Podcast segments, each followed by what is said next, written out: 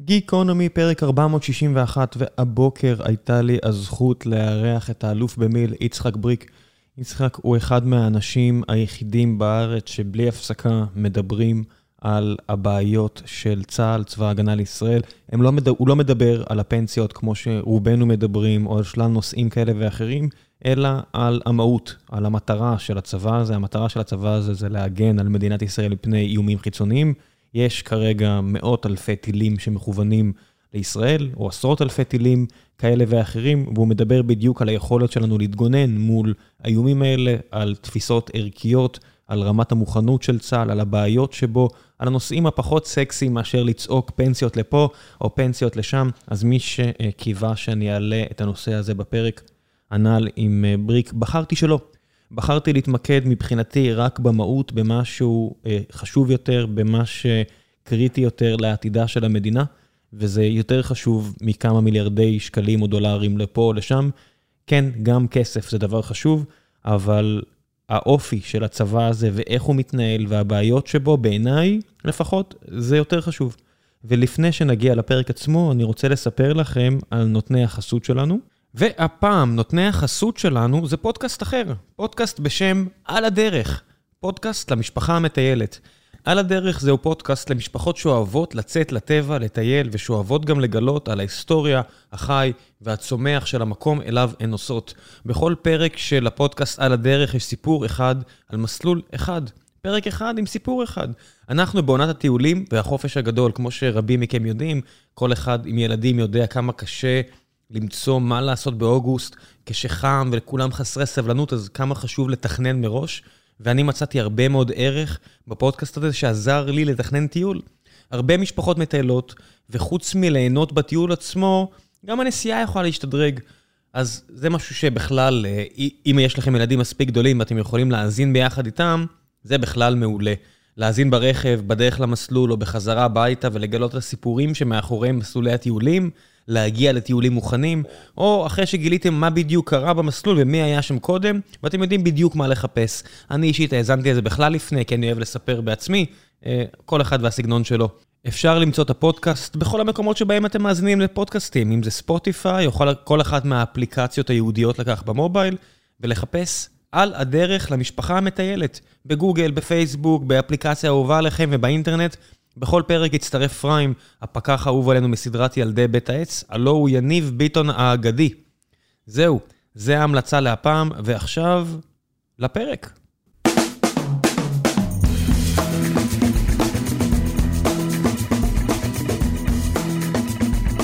גיקונומי, פרק 461, והבוקר יש לי הזכות לארח את האלוף יצחק בריק, האלוף במיל. נכון. אתה מגלגל ככה עיניים, אתה יודע, אתה עושה מה שאתה עושה הרבה זמן, אני עושה מה שאני עושה בסך הכל שבע שנים. זה גם הרבה. איך זה היה להשתחרר אחרי כל כך הרבה שנים? קודם כל, אני יצור מוזר בצה"ל. אני התגייסתי בשנת 1965, הייתי ארבע שנים, שלוש שנים בסדיר ועוד שנה בקבע. גם כבר השתתפתי בשתי מלחמות, או יותר נכון מלחמה ומבצע. מלחמת ששתי הימים הייתי מפקד טנק, מבצע קר"מ, מפקד מחלקת טנקים סדירה. ובשנת 1968 לחצו עליי שאני אשאר לקבע, ובסוף הסכמתי לעוד שנה כמ"פ, והשתחררתי בגיל 22 בשנת 1969, והייתי 11 שנה איש מילואים ואזרח, מגיל 22 ועד גיל 33. בתקופה הזאת למדתי בטכניון, אחרי זה הייתי תואר שני, עשיתי תואר שני, חזרתי לקיבוצי, הייתי מנהל המשק, כלומר 11 שנה, ואחרי 11 שנה, בלחץ מאוד גדול של הרמטכ"ל רפול, שאני אבוא לתרום מניסיוני הקרבי, כי מלחמת, בעצם כשהייתי מילואיניק, כבר נלחמתי גם במלחמת יום הכיפורים, כמפקד פלוגה, 19 ימים, בקרבות הבלימה וההתקפה.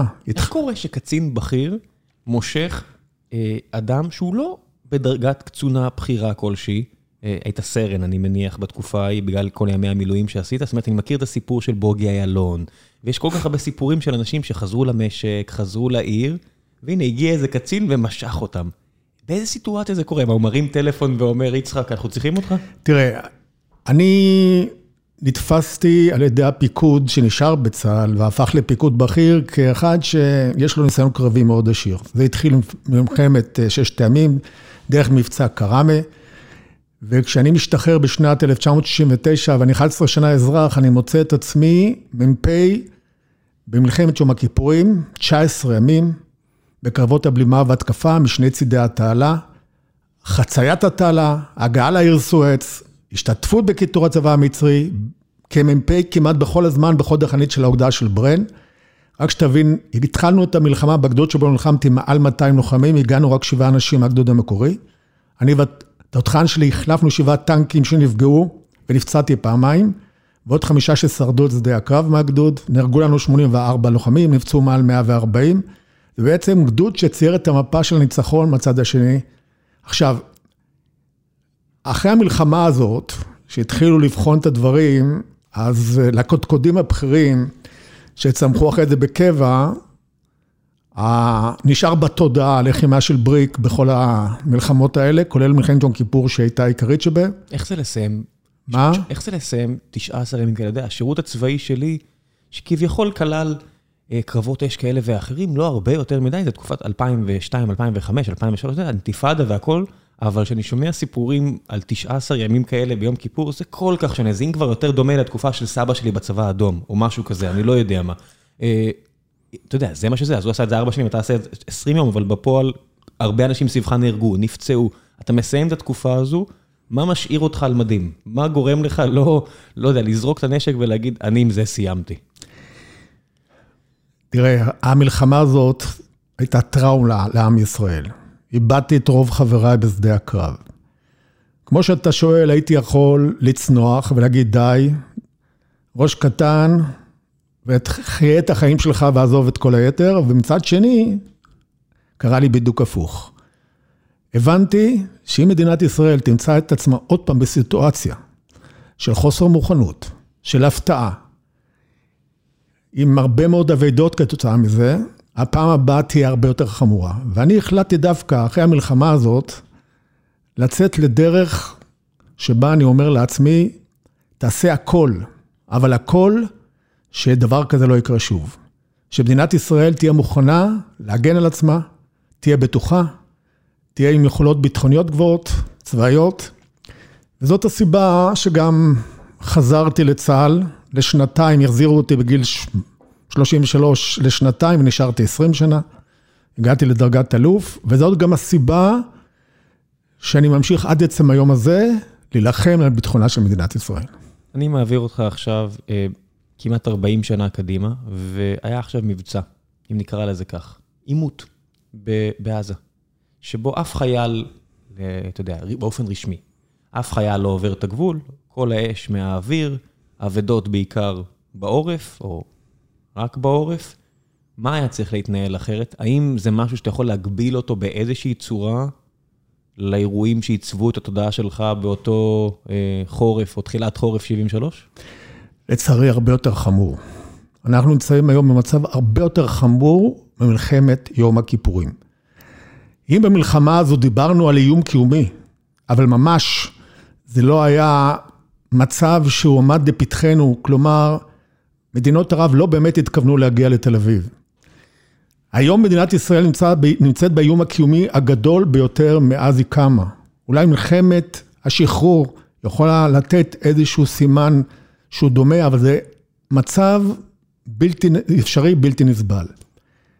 הסיבה היא שבמשך 15 שנה האחרונות, בונים האיראנים עם גרורותיהם טבעת חנק של 250 אלף טילים ורקטות סביב ישראל, שזה הולך עזה, חמאס עם עשרות אלפים, המיליציות, המיליציות השיעיות, תימן, עיראק וסוריה, שמגובות על ידי האיראנים עם טילים מדויקים, גדולים, למאות קילומטרים, מאות קילוגרם רש"קים, והחיזבאללה, 150 אלף טילים ורקטות, אנחנו מדברים היום על 3,000 טילים ביום על מדינת ישראל. אם במבצע שומר החומות היו 400 ביום, סך הכל 4,000 בעשרה ימים, אנחנו מדברים על 3,000 ביום, ולא טילים קטנים, חלקם מאוד גדולים, מאות קילומטרים, מדויקים, עם מאות קילוגרמים רש"קים שיפגעו במרכזי אוכלוסייה, שיפגעו במטרות אסטרטגיות, חשמל, מים וכו'. ויעשו הרס מוחלט. כלומר, איום קיומי שמדינת ישראל לא חוותה מעולם, ואנחנו נרדמנו בשמירה. 15 שנה ישינים. עסקנו במב"ם, המערכה שבין המלחמות, זאת המערכה על כך שהאיראנים לא יתבססו בסוריה, שלא יעשו שם אה, דיוק של טילים, וגם במערכה הזאת אנחנו הפסדנו. האיראנים ממשיכים להתבסס בעוצמה בתוך סוריה, עם המיליציות השיעיות אוהדות אותם. דיוק הטילים עבר ללבנון, כך שכל ההפצצות לא בעצם מנעו את המטרה שלשמה יצאנו, אבל שכחנו להכין את עצמנו למלחמה הבאה.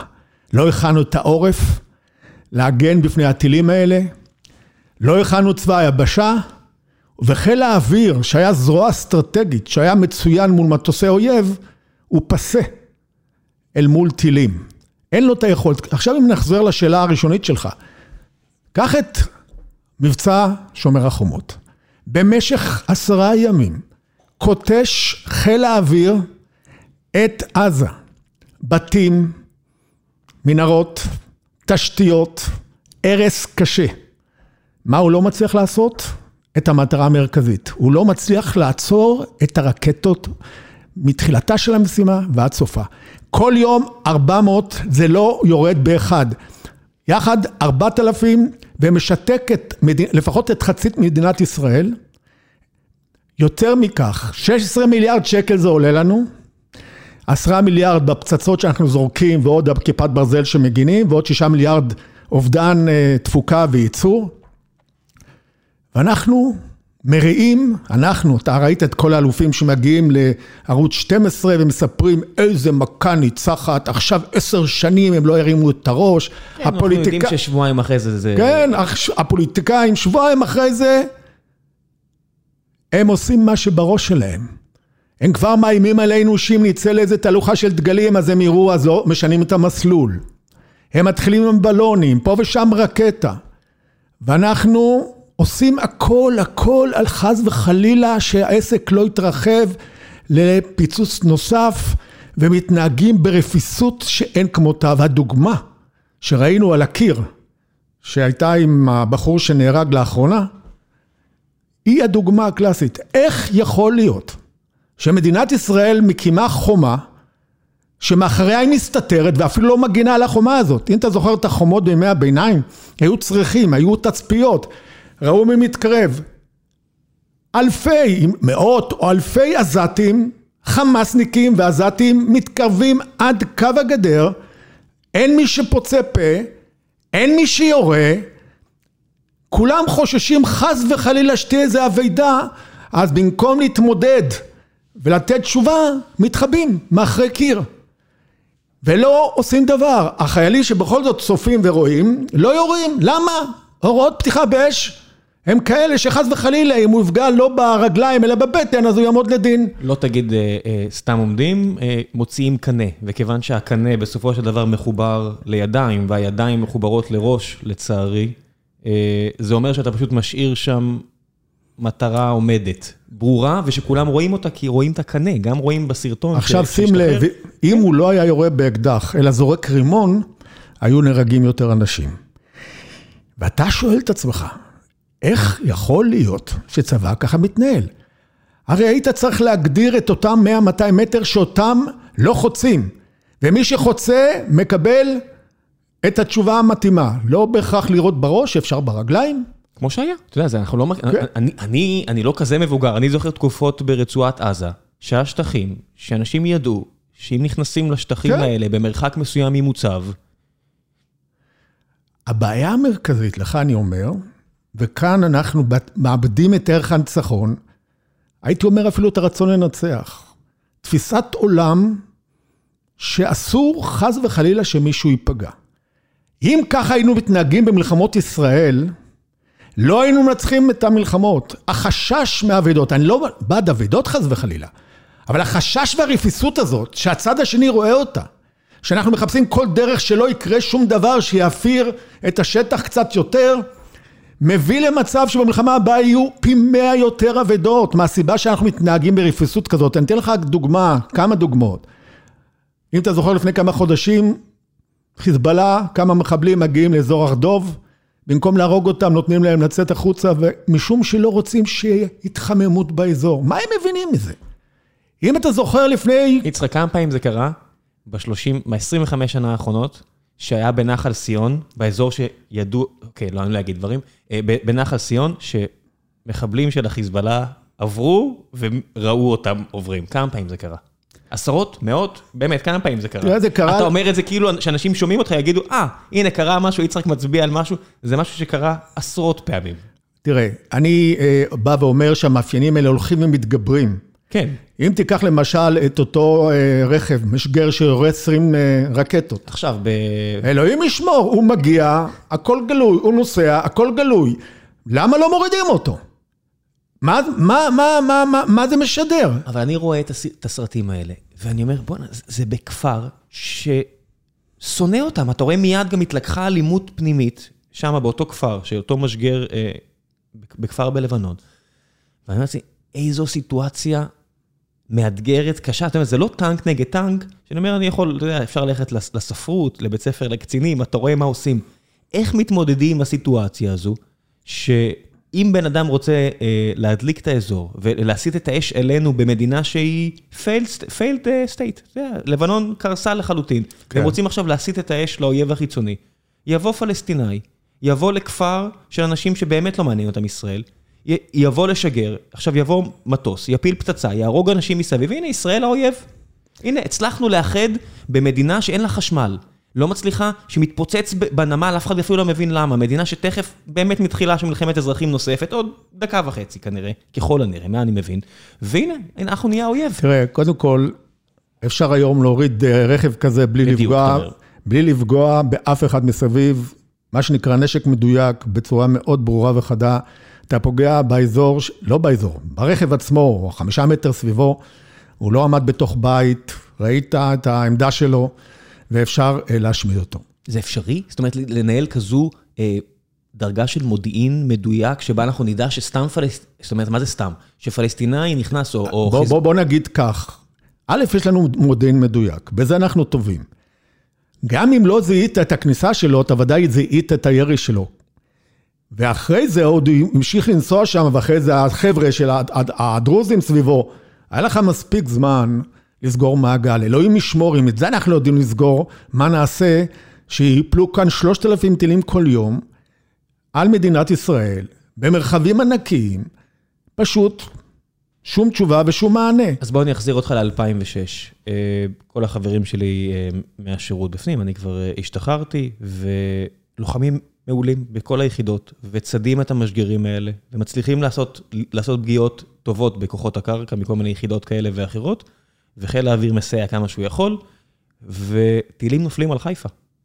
טילים נופלים על חיפה, טילים כמו שאתה מתאר אותם, טילים שעושים נזק משמעותי, למזלנו, או אולי לרעתנו, כי אז אולי היינו מתעוררים, עושים נזק אמיתי בחיפה, אה, ויש שם כוחות. מה אפשר לעשות אחרת בסיטואציה כזו, אם אתה רוצה, באמת, באמת רוצה? אז אני אסביר לך מה, יש כמה מרכיבים שמדינת ישראל הייתה צריכה כבר להתקדם איתם מאוד מאוד ולא עשתה את זה. בניגוד למלחמות העבר, והתחלתי את זה קודם, שהמטוסים הם היו מלכת הקרב, כלומר, הם היו הזרוע האסטרטגית לשמירת שמי המדינה. הם היו מצוינים נגד מטוסי אויב. מה לעשות? העולם השתנה.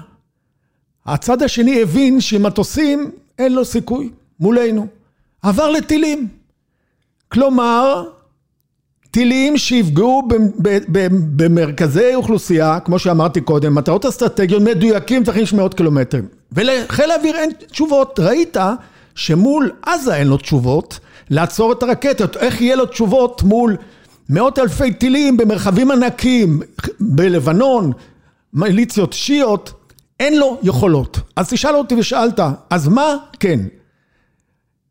כל העולם, או כל הצבאות המודרניים מבינים שהיום במלחמות העתידיות עדיין צריכים מטוסים, אבל לא רק. צריך להכניס טילי קרקע קרקע ליד המטוסים. כמו שהם הכניסו מולנו, להכניס, לבנות חיל טילים, למה אני מתכוון? משגר טילים, שיורד טיל לטווח של מאות קילומטרים, על מטרה שיורדת אלינו. הטיל מגיע לא פחות מדויק מאשר מטוס, יורה תוך מספר דקות. מטוס צריך להמריא, להגיע לאזור היעד, לא ברור שהוא כבר מוצא את הטיל כי הוא משגר שזז, צריך לחזור, הוא מסתכל על ידי אש נ"מ וטילים נגד מטוסים, והוא מגיע לזה תעופה שיכול להיות שבכלל הוא מותקף על ידי טילים מדויקים של האויב, וזה מה שיקרה, והוא לא יכול לנחות, הוא לא יכול להמריא. זה סיפור מורכב, ארוך ומסובך. עם סיכון מאוד גדול. כשאתה, לעומת זה, לוקח משגר שזז כל הזמן ויורד את הטילים האלה בטווחים מאות קילומטרים, בדיוק לא פחות מהמטוס, אתה משיג מימד הרבה יותר מהיר, מדויק וזמין, ופחות מסתכן. ולכן בעצם מה שצה"ל היה צריך לעשות כבר שנים, ליד המטוסים, לקחת ולבנות חיל טילים, שייתן לו תשובות במקומות שחיל האוויר חלש בהם. עכשיו תראה מה שקורה.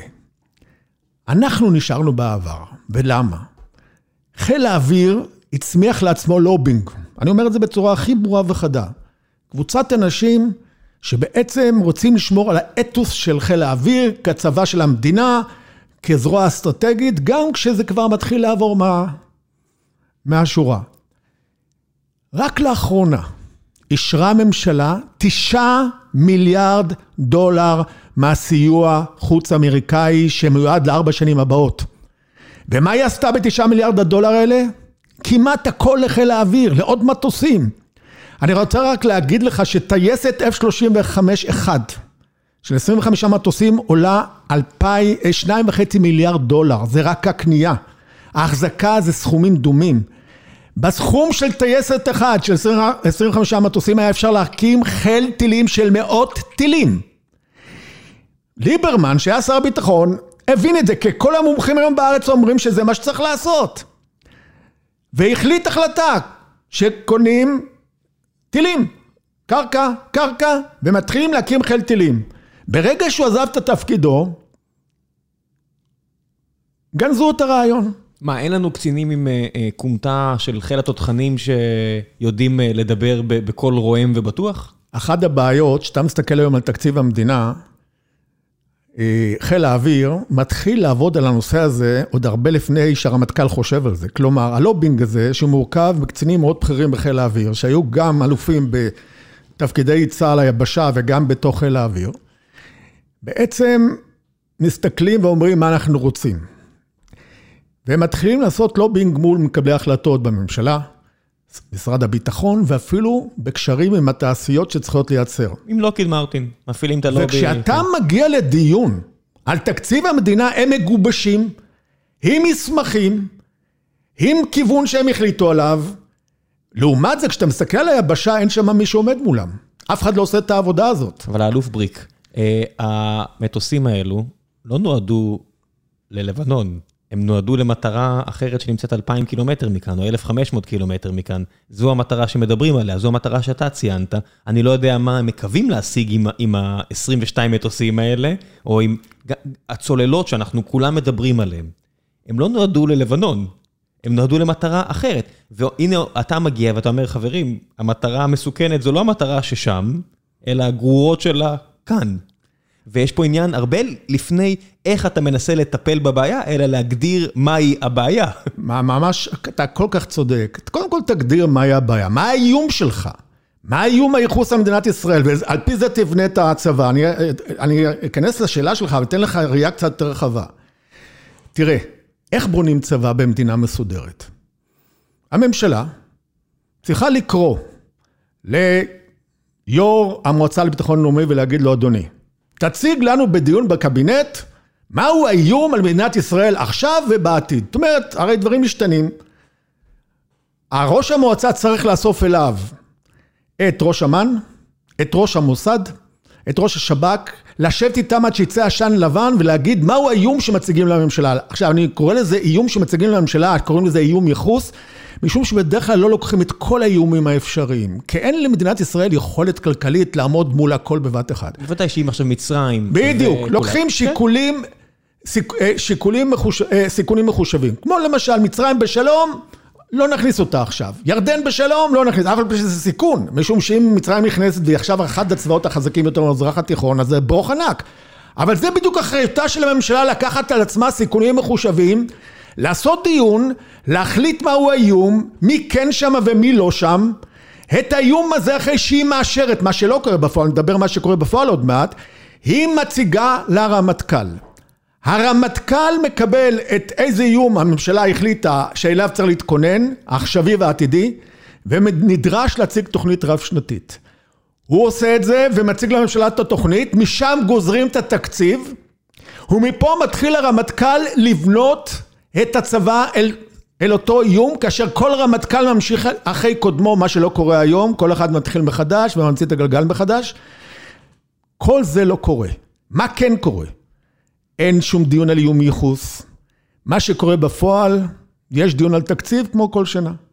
הרמטכ"ל מקבל את הנתח שלו, ופה קורה דבר מדהים. מאותו רגע שזה מגיע לידיים של הרמטכ"ל, אין בכלל דיון חיצוני, אין בקרה, אין מעקב. כל אחד עושה מה שהוא מבין. כל הביטחון של המדינה בראשו של רמטכ"ל. אחד עושה ככה, השני עושה אחרת, אין רצף, אין המשכיות. אם תרצה, אני אתן לך את התמונה מאז 2006, איך זה קרה. ובעצם בונים צבא שאין בו שום לבנה לבנה. כל רמטכ"ל עושה סיבוב פרסה.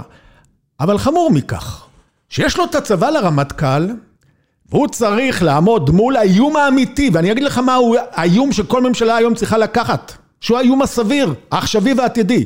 זה החיזבאללה, עם אלפי הטילים ואלפי אנשי הקומנדו שיש לה, שייכנסו ברגל לתוך צפון הארץ וינסו לכבוש אה, יישובים. זה הסורים שזה איום קיומי, אה, חלק מהאיום שהיום הוקם, ותוך שנתיים זה יהיה צבא מאוד חזק, הרוסים בונים אותו. זה המיליציות השיעיות סביבנו, שאמרתי תימן, עיראק וסוריה, עם הטילים. זה האינתיפאדה, אם תפרוץ השלישית, עשרות אלפי אנשי אינטנזים, שצריך הרבה מאוד כוח להיות שם.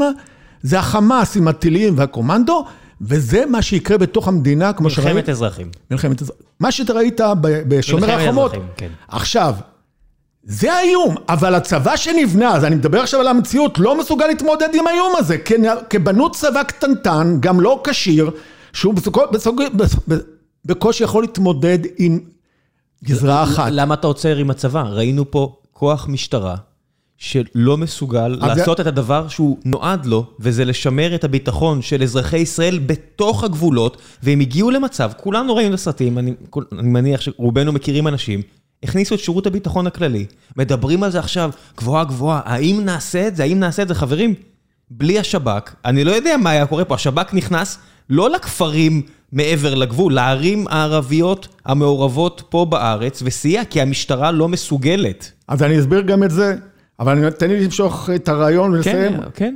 כלומר, עומד הצבא, עוד מעט נדבר על מה שאתה דיברת, ומוצא את עצמו שהוא לא מסוגל לתת תשובה לכל הגזרות שדיברתי, לרוסי, לסורים, לחיזבאללה, לחמאס, האינתיפאדה, אז מה הוא עושה, אתה יודע? במקום שהוא ילך על האיום האמיתי, הוא ממציא איום שלו, שהוא יוכל להגיד לך על אזרחי ישראל שהוא מסתדר. ולמשל, אתה מאמין לי שהסורים לא באיום, האיום הייחוס של צה"ל? שהם לא קיימים מבחינתו? אתה מאמין לי שהתפרצות אינתיפאדה שלישית לא באיום הייחוס של צה"ל? אתה מאמין לי, וזה אתה יכול להאמין, שכל מה שיקרה בתוך מדינת ישראל לא באיום של צה"ל? האיום של צה"ל זה שתי זירות, על זה הוא בונה את הצבא, על החיזבאללה ועל, ועל החמאס, גם זה על פי תפיסת עולם לפני 15 שנה, שהם היו קטנים, היום כבר צבאות טרור. זאת אומרת שממציאים את האיום בהתאם ליכולת שלך, ולא האיום הוא זה שקובע מה אתה צריך להיות. זאת אומרת, אין ברוך גדול מזה. עכשיו לגבי מרכז הליבה של המדינה. אחרי הפרעות שהיו עכשיו בשומר החומות, כולנו הבנו שלמשטרה אין, אין, אין יכולת להתמודד עם זה, כי במלחמה הרב-זירתית זה הרבה יותר חמור. וגם לא אה, למשמר הגבול. זה חלק מהמשטרה. ועלה רעיון להקים משמר לאומי. אני רוצה לספר לך שהיום בצה"ל יש מעל 200 אלף אנשי מילואים מגיל 20 פלוס ועד גיל 50, ששחררו מצה"ל מהמילואים וגם לא בקשר איתם, הם נעלמו מהמלאי של כוח אדם שיש לצה"ל, אין מי שיוצר קשר ואין מי שיודע איפה הם חיים. למה הם לא שם בצה"ל? משום שקיצצו את צה"ל מתחת לקווים האדומים, הורידו המון יחידות, וכשהורידו חטיבת טנקים למשל, אז את האנשים אמרו הביתה, ואף אחד לא שומר, לא שומר איתם קשר בכלל. את ה-200 אלף האלה, שאין להם בית היום, שבמלחמה העתידית תצטרך אותם, אפשר להקים איתם משמר לאומי. ארבע מחוזות, צפון, דרום, מרכז, יהודה ושומרון, שהם בעצם ייתנו מענה לכל מה שראינו בתוך מה שקרה בישראל. גם למשטרה, גם למשמר הגבול, יעשו את האימונים הנדרשים, לא הרבה. דרך אגב, הרעיון הזה מקובל על כולם, רק הוא לא קורה. אני אסביר לך גם למה, משום שלא מגיעים לדיון בקבינט על כלום. אבל לא מגיעים עוד לפני כן. איך אתה מצפה מאדם, בן כמעט 40 נניח, לשים על עצמו, ללבוש מדים ולקחת נשק, וללכת לעשות מה שאתה מדבר עליו, כשהוא רואה את התמונה הזו של הקנה מחוץ לחומה, עם פרצוף שרק מחכה שמישהו יכניס אקדח או רימון, ואין כלום. אין פילוסופיה, אין, אין תפיסה, זאת אומרת, הנהלי פתיחה באש, עוד ב-2004 היו אפורים. לעניות דעתי, אני לא, אני לא מספיק מכיר חיילים, אתה מכיר הרבה יותר חיילים ממני מתוקף תפקידך, הם רק הלכו ונהיו אפורים יותר. אנשים שאני מדבר איתם, אלוהים, אומרים, אני לא רוצה לקחת בזה חלק, כי, כי לא ברור מה רוצים ממני. וואלה, השאלה שלך היא מצוינת והיא מאוד צודקת. אנחנו היום נמצאים בהתנוונות חמורה מאוד של המוטיבציה של צבא היבשה, של הרצון לשרת בו. אנחנו מוצאים היום שקצינים ב... לא רוצים להיות בקבע, הטובים בורחים מהצבא. אנחנו מוצאים שחיילים ומפקדים שכבר נמצאים במילואים, מאוד מתוסכלים, כולל הסדירים שלא מפעילים בכלל את צבא היבשה. כלומר, יש חיל האוויר שיורה מלמעלה, עושה המון בומים, אבל לא פותר שום בעיה. אבל את היבשה, חס וחלילה, לא מפעילים, שמא מישהו ייפגע. ואז נוצר מצב של אנשים שלא רוצים להיות במקום כזה, שבצד אחד לא סומך עליהם, מצד שני גם מתפקד מתחת לכל ביקורת, וראינו את הסיפור הזה שעכשיו דיברת עליו, על הקיר, עם החרך. זאת אומרת, זה לא רק לא מפעילים אותם, גם כשצריך אותם, עושים את זה בדרך הכי עקומה שאפשר. ואז אתה רואה היום בצה"ל ירידה דרסטית במוטיבציה להישאר, ללכת לקרבי, של החיילים הצעירים. אומרים לנו שהמוטיבציה זה בגלל האווירה במדינה, ואני אומר לך, כאחד שעשר שנים הייתי עכשיו נציג פלוט חיילים ועברתי שלוש פעמים כל יחידה בצה"ל, ארבע, ארבע פעמים בשבוע, ארבע שעות בכל יחידה. אין היום במדינת ישראל אדם שחתך ככה את הצבא ובדק אותו כמו שעשיתי את זה בעשר שנים האחרונות, מאז קום המדינה.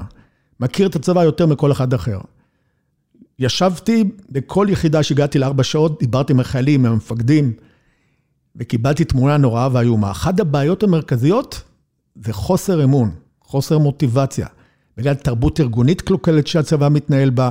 בגלל חוסר ההפעלה הנכונה, בגלל כל הנושא הבעיות שאנחנו רואים בשטחים, שאנשים לא יודעים כן לראות, לא לראות, מה יעשו לי אם אני אירה, בגלל כל הפרטאץ' הזה שראינו עכשיו על החומה, אנשים איבדו מוטיבציה, ולכן הצעירים לא רוצים להישאר בצבא קבע, ויש בריחה המונית של הטובים. המלש"בים שמגיעים לצבא לא רוצים להיות בקרבי, שואלים מה יצא לי מזה? ואתה מוצא ירידה מאוד דרסטית. אתה מוצא שאנשי המילואים, גם הם, מרגישים מאוד מתוסכלים, כי הם פחות מתאמנים, הם לא מכירים את האמצעים החדשים, הם לא מגיעים למחסני חירום שלהם לראות איך הם מוכנים, כי הם חוסכים ימי מילואים, אז אתה רואה שמילואיניק לא היה כמה שנים בימ"ח שלו, לא מכיר בכלל איפה הציוד שלו נמצא, ואם בכלל הציוד הזה מוכן. אתה רואה התרופפות קולוסלית של המערך של ההגנה על מדינת ישראל. כאשר לחיל האוויר אין שום תשובות אמיתיות, חיל טילים לא בנינו, את היבשה אנחנו מייבשים, ואנחנו נמצאים על אוניית הטיטניק בדרך לקרחון. ועם ישראל חי את היומיום שלו, הולך למסעדה, שותה את הקפה, יש כאלה שיותר, יש כאלה שפחות, אבל לא מבין לאן נקלענו. ואם לא ייפול פה האסימון באופן מיידי, אלוהים ישמור. מה עושים? או-אה, צריך הרבה מאוד מה לעשות. איפה, איפה מתחילים? אני רוצה לדבר על הדבר שהכי אה, מעניין אותי ברמה האישית, זה תמיד תרבות. איך? תרבות. תרבות. ארגונית. תרבות. תרבות בעיניי זה משהו שמנצח הכל ומפסיד הכל. נכון. כשאתה מגיע אה, לצבא כמו שאתה מתאר אותו, ואני, אתה יודע, מעולם לא נחשפתי, לפחות בשירותי הצבאי, לאחר מכן כן, יש לנו אצל המשקיעים כל מיני אנשים שאתה כנראה מכיר, וכו' וכו' וכו', והם נראים לי אנשים טובים. זאת אומרת, מה זה נראים לי? הם אנשים טובים. איכותיים, פנחס בוכיס אצלנו מהמשקיעים וכל מיני חבר'ה כאלה שאני מכיר אותם, אנשים טובים. באיזה שלב בתוך הצבא מתבצע הניוון הערכי הזה שאתה מדבר עליו? מאיפה זה מגיע, איך זה נוצר ואיך משנים את זה? תראה, הבעיה המרכזית היום של צה"ל זה התרבות הארגונית, הניהולית והמנהיגותית. זה היסודות של הבניין. אם היסודות מתפוררים, אי אפשר להקים בניין. ולצערי הרב, היסודות האלה מתפוררים. אמרתי גם לרמטכ"לים, הייתי עשר שנים וישבתי איתם, אמרתי, אם אתם לא תטפלו בתרבות הארגונית של הצבא, ועוד מסביר מה זה תרבות ארגונית, כל המיליארדים שתקבלו לא יעזרו לכם. אי אפשר להקים בית, גם אם יש לך כסף, כשאין יסודות.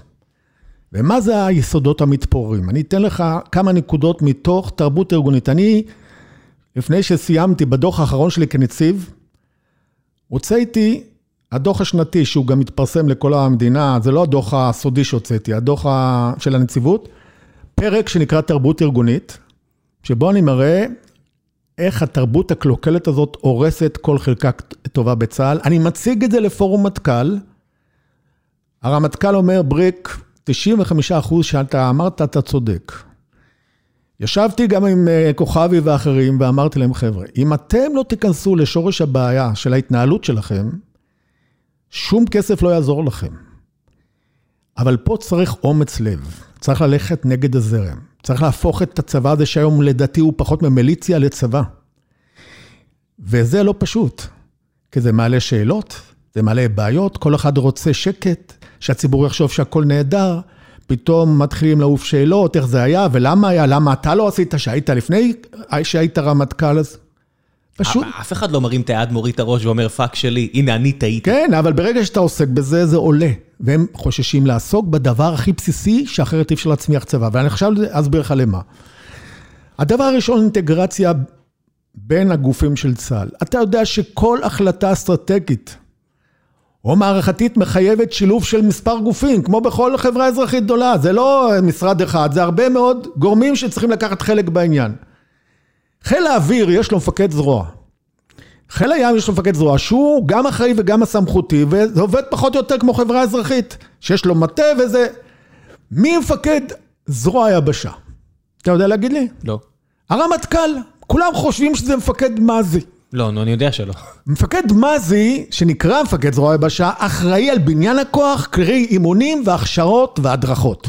זה תפקיד ניהולי בירוקרטי. זה לא, תפקיד... בשעת מלחמה הוא לא הוא זה ש... הוא לא אחראי בשעת מלחמה. בוודאי. מי שמפקד על הכוחות בשעת מלחמה, זה אלופי הפיקוד. פיקוד דרום, צפון, דרום. כן, מי אחראי על כל המערכת הזאת יחד? הרמטכ"ל. כלומר, הוא זה שצריך לעשות את האינטגרציה בין כל הגורמים על כל החלטה אסטרטגית או מערכתית, ויש המון החלטות כאלה. הוא לא מוצא את הזמן לזה, כי הוא הרמטכ"ל גם של כל הצבא. לך תתעסק ברמת היבשה, ברמה הפרטנית הזאת של אינטגרציה, שאין לך זמן לזה. אז הוא לא עוסק בזה. המפקד של זרוע היבשה לא עוסק בזה בצורה יסודית. הוא נוגע פה ושם, אבל זה לא במערכת של ניהול נכון, מנהיגות נכונה וכו'. אז מי כן מחליף אותו ועוסק בזה? סגן הרמטכ"ל. עכשיו בואו נראה, סגן הרמטכ"ל, כולם אנשים מצוינים. סגן הרמטכ"ל מגיע להיות רמטכ"ל. הוא מגיע לשנתיים מקסימום, לפעמים אפילו שנה ופחות.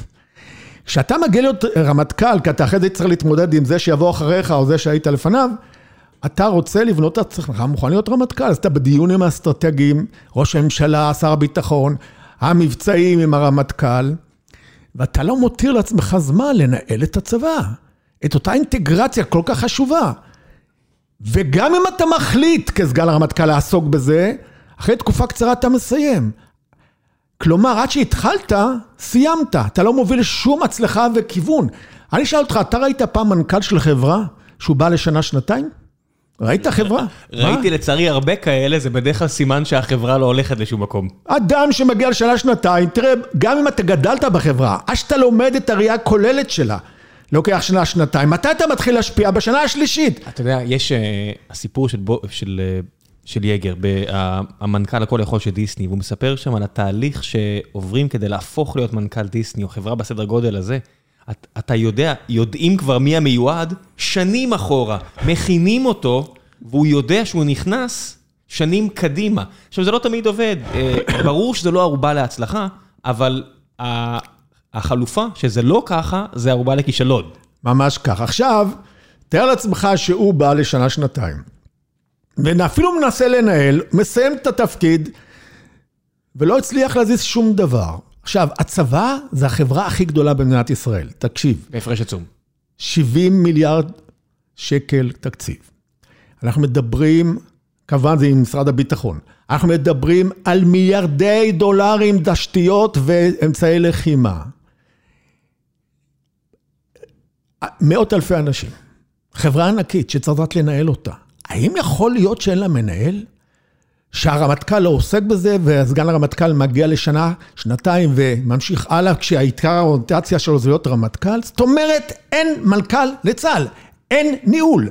הכל נופל בין הכיסאות, ואם אני אתן לך הדגמות, אני לא אכנס לזה כרגע, אחרי זה אתה, אתה רואה שדברים הכי בסיסיים לא מתחברים.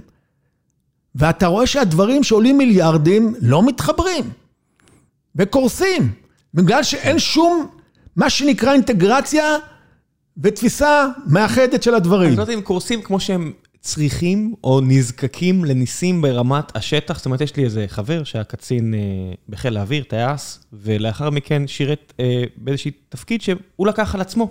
הוא הגדיל ראש, לקח על עצמו בשירות, לחבר בין הטייסת לבין כוחות הקרקע. יפה. שם על עצמו מדים ירוקים, כי הבן אדם גם מתברך כן, בשלל כן, כישורים, אוקיי. ועשה מה שצריך כדי לחבר בכל מיני סיטואציות. אוקיי. אבל הוא מספר לי איך הכל זה הגדלות ראש שלו. איך הוא יצר קשר עם התת-אלוף הזה, ואיך הוא יצר קשר עם התת-אלוף ההוא, ואיך הוא עשה דברים, ואני אומר, איך זה לא מערכתי יותר? זאת אומרת, איך הכל מתבסס... אבל אני אתן לך דוגמה מערכתית. אמרנו שמפקד מזי אחראי על הכשרה, האימון של הכוחות למלחמה, מי שמפעיל אותם זה אלופי הפיקוד. אתה מצפה, כשהיום מאמנים את הצבא, בעיקר במתקן אימון הגדול ביותר שנקרא צאלים או מאלי, המרכז הלאומי לאימוני יבשה. אתה מצפה שכשחטיבות של פיקוד צפון יורדות להתאמן בצאלים, יהיה מפגש בין מפקד מזי לאלוף פיקוד צפון, ויסכמו בדיוק מהו המתאר של הלחימה, מהם התפוקות, מהם המטרות. אז אני רוצה להגיד לך שזה כמעט ולא קורה, וחמור מכך, מפקד מזי הוא הבעל הבית, הוא מחליט על מה יתאמנו. במשך שנים, במה זה התאמנו על תפיסת עזה. שטח בנוי בעזה. כלומר, חטיבות שמגיעות וצריכות להיות בשטח הררי בלבנון, מתאמנות על עזה. למה? ככה. הם לא יורות, הטנקים יורים לטווחים של 100 מטר על רכב שיראו אותו בתור רחוב, ולא על מטרות של יהיו בשלושה קילומטר. לכן גם אין מטרות לירות עליהם. אתה מוצא שבעצם הצבא לקח דפוס פעולה מאוד מאוד ספציפי. ספציפי, ואין לו שום תפיסה כוללת של אימונים. יותר מכך, אתה רואה בתוך המערכות האלה שמתאמנות, שדווקא אלה שעושים את העבודה למטה, החיילים, מפקדים, הכיתות, המחלקות והפלוגות, אף אחד לא מבקר אותם, אף אחד לא מלווה אותם, אף אחד לא מדריך אותם.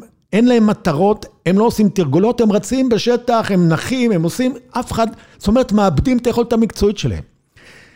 ואתה רואה חוסר אינטגרציה מוחלט ברמה האסטרטגית, המערכתית והטקטית, בין הפיקודים לבין בוני הכוח, לבין המטכ"ל. זה דוגמה אחת. דוגמה שנייה, בשביל היום של להילחם לאורך זמן, אתה צריך אורך נשימה. אורך נשימה זה לוגיסטיקה. ואתה חייב לחבר כל תוכנית של פעולה של צבא היבשה אל הלוגיסטיקה, תחמושת, דלק, חלקי חילוף, מזון, כל זה בהובלות, צמא, טרקטורים, לפתוח צירים, וכו וכו וכו. אין את החיבוריות הזאת. אין שום, הדברים לא מתחברים באופן מוחלט. ואתה רואה שאין מי שמתכלל את הדברים. אתן לך עוד דוגמה אחת בנושא של מיליארדי דולרים ששופכים על אמצעי לחימה חדשים. כשאתה קונה אמצעי לחימה חדש ומפזר אותו בין הרבה מאוד יחידות, אתה צריך לבדוק שכל הפריטים שלו יתחברו להם ביחדיו, שזה יוכל לעבוד. כשאני הייתי נציב קבילות חיילים, ועברתי בין היחידות, ורציתי לבדוק את אותם אמצעי לחימה שעלו מיליארדים, מצאתי שערוריות שאין כדוגמתם. כביכול קנו במיליארדים ציוד חדש, אבל אתה רואה שהציוד הזה לא כשיר. אתן לך שתי דוגמאות בלבד, אבל אלה הקטנות שבהן, לא אתן לך את הגדולות כי הן סודיות יותר. אני מגיע לאוגדה 98.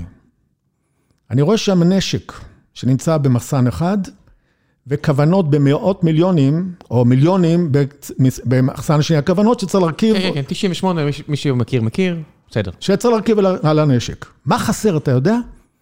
המתאם. אין מתאם להרכיב את הכוונת. זאת אומרת, המילואיניק שיבוא וירצה להרכיב כוונת לא יוכל, הוא גם לא יודע שאין לו כוונת, כולו מגיע לראות את הדברים בשטח, מה שפעם היה, היום כבר לא עושים. אתה מגיע ליחידה אחרת, אתה רואה שקנו במיליונים אמצעי יריית לילה. מה אין? הרצועות להרכיב את זה על הראש. כן. אלה הדברים הקטנים. אתה מגיע ליחידה אחרת. אתה רואה אה, אמרים עומדים בשורות. אותו רכב למפקדות, למפקדים. כן.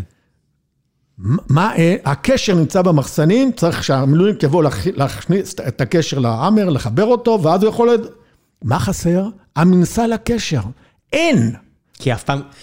אני, אני הייתי uh, כמעט שלוש שנים בסירקין, יש שם מסיבה כזו או אחרת שורות כאלה של האמרים, אני לא חושב שראיתי אותם זזים פעם אחת. תקשיב, אין, כלומר אי אפשר קשר, בלי קשר זה לא שווה כלום, אתה לא יכול לצאת עם זה. זאת אומרת, אתה רואה מערכות שנקנו במיליארדים, שלא, שחסר חלק אחד והן לא מתפקדות, ואף אחד לא רואה את האינטגרציה הזאת. אף אחד לא עוסק בה, אחד אחראי על זה, ואחד אחראי על זה, ואחד על זה, ושום קריאה, וזה דוגמאות קטנות לעומת דוגמאות גדולות בהרבה. זאת אומרת, בעיה מספר אחד, חוסר אינטגרציה ותכלול במערכת. בעיה מספר שתיים, נושא של בקרה ומעקב. היום כשאתה נותן נקודה, אתה צריך להיות משוכנע שמבצעים אותה, אחרת חבל על הזמן. אתה במלחמה לא תוכל לעבור כל אחד ולבדוק. ואנחנו נמצאים היום בדפיציט נורא בעניין הזה. אין בקרה ומעקב בצבא על הפקודות, אין וידוי פקודות.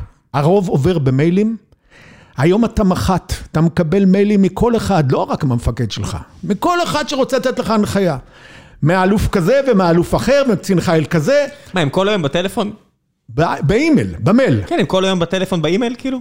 המון במייל, שיש להם עשרות כאלה הודעות לביצוע, יש פי מאה יותר שלא לביצוע, רק לידיעה. אתה יודע מה הם עושים? את הרוב הם מוחקים.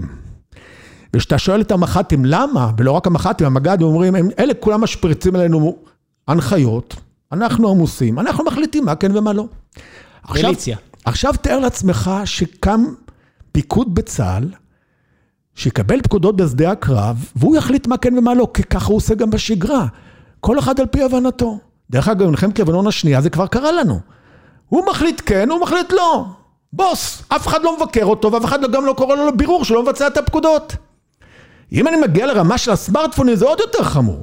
חיילים הולכים, מפקדים זוטרים, במקום לדבר עם המ"כ, עם המ"מים, עם החיילים שהם נמצאים באותו מחנה, הכל בקבוצות וואטסאפ.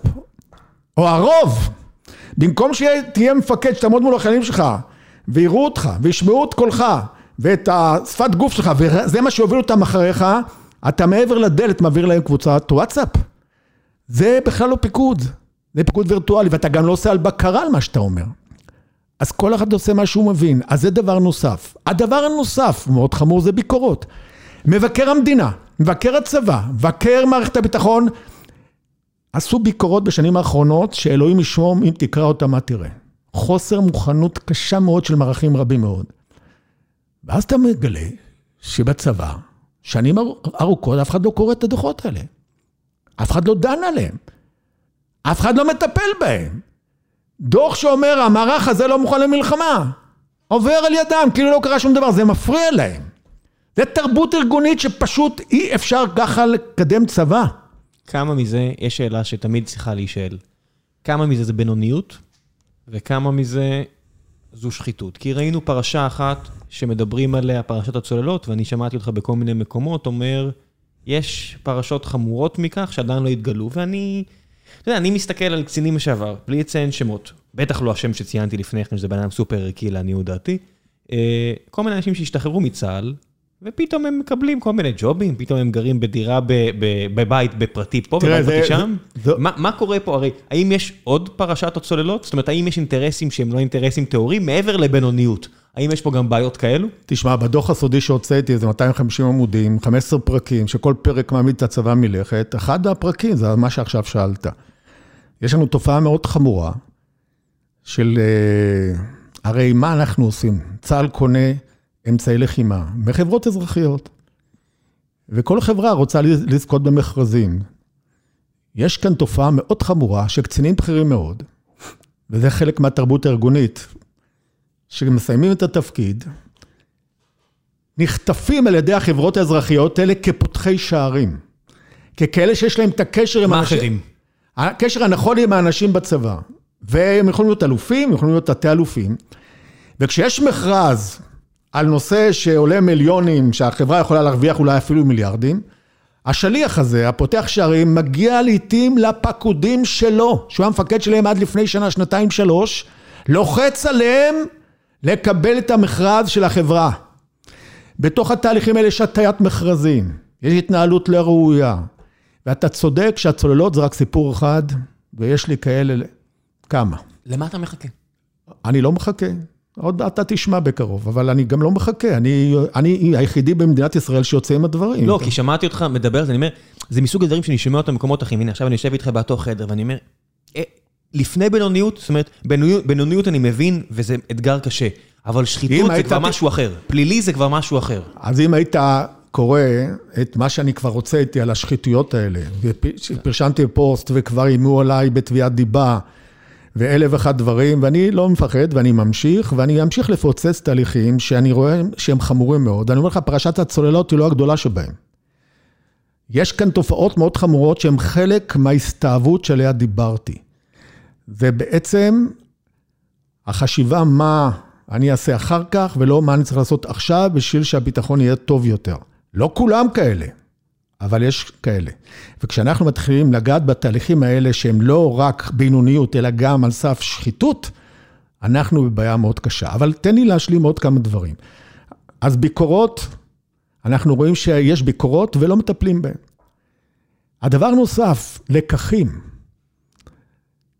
ארגון לומד, זה א', ב'. היום נמצאים במצב שצה"ל הוא לא ארגון לומד, אין בנייה. יש תופעה של קצינים שמגיעים לתקופה מאוד קצרה לתפקיד, רוצים להביע את חותמם, מאמצים את הגלגל מחדש, לא לומדים את מה שהם קיבלו, שמים איזה שפריץ באיזשהו מקום, שנה, שנתיים, ממשיכים הלאה. לא רק שהם לא הועילו ליחידה, אלא פשוט עצרו תהליכים. הם גם מקלקלים, אבל הם גם לא לומדים, והם עוברים ככה ומאבדים את היכולת המקצועית שלהם. כי זה הקידום, כי הקידום מבוסס על כמות התפקידים וכו' וכו'. אז אחת הבעיות שנוצרה בצה"ל, החלטות שקורות, ואף אחד אחרי זה לא חושב שאפשר גם לתקן החלטות רעות. למשל, מה שעכשיו גם הרבה מאוד אה, מדברים על פנסיה ועל נושא של אה, תוספת רמטכ"ל, מה שקורה, המודל הצעיר, של קבע, שנכנס ב-2016, אומר שיש לך שני שערי יציאה כקצין שחותם לקבע. שער ראשון בגיל 28, שאם אתה לא קיבלת דרגת רב סרן, החוצה. שער שני, אם הצלחת לקבל רב סרן והגעת לגיל 35, עד גיל 35 לא קיבלת סגן אלוף, החוצה, למעט יחידים שהם רבי סרנים שמחליטים שהם יישארו. ואז אתה שואל את עצמך, איזה קצין שהוא מרגיש שהוא טוב, יהיה מוכן ללכת לצבא שיש שם שום ראייה של שליחות, ש, שמחליטים להוציא אותו או בגיל 28 או בגיל 35, גם אם הוא מצוין, משום שלא קיבל את הדרגה, יש מצוינים, לא כולם מקבלים סגן אלוף. וזה מביא למצב שלגיל 42 מגיע אחד מתוך 11 שחתמו קבע בגיל 22. אחד מתוך 11. הטובים בינינו, אלה הטובים ששואלים את עצמם, למה אני צריך את זה? שאני לא, לא אקבל סגן אלוף ואני רב סרן מצוין ואני אפלט החוצה, אין לי שום, אה, מה שנקרא, רשת ביטחון. החבר'ה בגילי, שהם כבר עשו קריירה, אני יוצא החוצה, אם אני קרבי, בכלל אין לי מקצוע שאני יכול להתמודד בחוץ, גיל 35, אני מאבד את עולמי. למה להישאר? ואתה רואה היום תהליך של בריחה של הטובים, החוצה לא רוצים לחתום קבע. אבל יותר חמור, גם מי שכן החליט לחתום קבע, מחליט בדרך לעזוב עוד לפני השער, מהסיבה שהוא רואה איך הצבא הזה מתנהל. הרדידות, חוסר השקיפות, הבלגן, כל מה שאמרתי בנושא של התרבות הארגונית, הקלוקלת.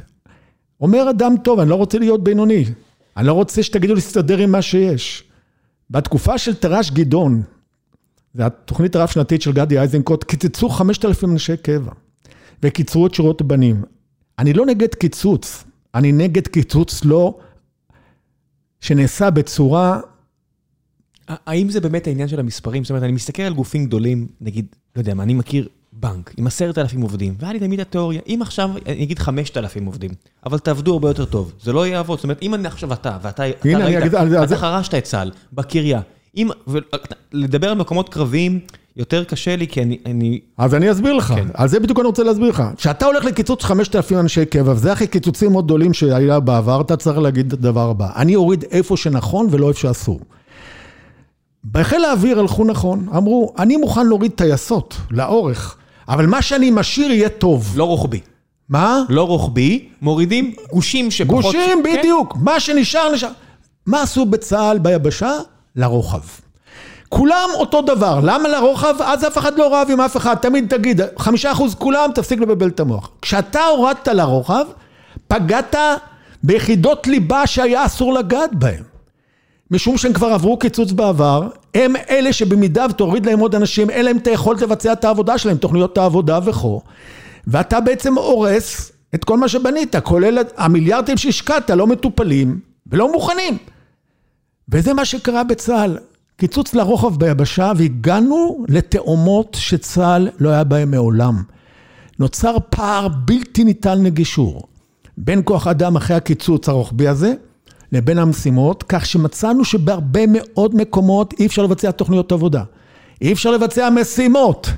אומרים לך עכשיו, כשאתה בא כמפקד, אל זה שמעליך אומר המפקד, אני לא יכול, אומרים תסתדר עם מה שיש, ואם אתה אומר פעם שנייה, אתה בכיין, אתה לא רוצה, תלך. אז כולם שותקים.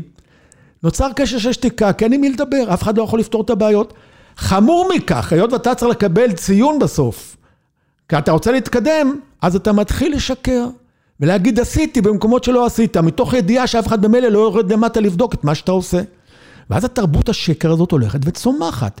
מסתבר לאנשים שכדאי לשקר, כי אף אחד לא בודק אותם, הם מציגים מצג טוב, זה שמקבל את המצג מרוצה, כי הוא יכול להציג גם כן מצג כלפי מעלה, היות ואין שום בקרה כלפי מטה, בעצם נוצר כאן תרבות של שקר שכל מי... תראה, דיברתי עם בן אדם רק לפני כמה שבועיים, הוא אומר לי בריק, אני, שהייתי עושה אימון, והייתי צריך לדווח על תוצאות, לא יכלתי לשקר. לצערי הרב, חבריי, מפקדים מימיני ומשמאלי ביחידה שבה הייתי, היו מנפחים את התוצאות ומזייפים. היות ואני הייתי התוצאה הכי נמוכה, כי אני אמרתי את האמת, כמו שהם היו תוצאות נמוכות, רק סיפרו סיפורים, המפקד של היחידה קרא לי לבירור. ואומר לי, תגיד לי, למה, מה זה הסיפור הזה? אז אני אומר לו, תקשיב, הסיפור הזה הוא נורא פשוט, אני אומר לך את האמת וכל היתר מנפחים. הוא אומר, אתה מקלקל את התמונה, איך אני אציג את זה כלפי מעלה? זאת אומרת, הוא רומז לי שגם אני אתן תמונה טובה יותר. זאת אומרת, הוא אומר לי, בריק, מי שהולך עם האמת שלו לא יכול לשרוד במערכת הזאת. תרבות של שקר, אני אגיד לך איפה זה, זה נפוץ במקומות אזרחיים, למשל, שאתה מגיש אפליקיישן, לא יודע איך אומרים את זה בעברית, לבית ספר עם מנהל עסקים בארצות הברית, להרווארד, ולכל השמות שאתם מכירים, זה 100% שקרים. בגלל שזו תעשייה של שקרים, וכולם מגישים שקרים, כל, אתה יודע, אנשים בני 25 עדיין לא בנו קריירה, אבל הם כן, מנפחים. כן. אני ניהלתי פה, ואני ניהלתי כן. שם, מרוב שהשקרים נהיו כל כך עמוקים, אתה כבר צריך לזכור יועצים שיסבירו לך איך לשקר נכון, וזו תרבות כל כך רקובה. אז בסדר שמנהל עסקים, וזו תעשייה שלהם, שיהיה להם לבריאות. אבל כשאתה מביא את זה לצה"ל, תראה מה קרה פה, בתקופה שאמרנו פה בעזה. היה פה מבצע גדול, שעבדו עליו במשך שנים. ומגיעים אנשים ומספרים שקרים בוטים בטלוויזיה, ו- ומדבררים שקר בוטה על הצלחה של מבצע, והצד השני הוא לא 2,000 קילומטר מכאן, הוא 40 קילומטר מכאן, או 60 קילומטר, תלוי איפה אתה.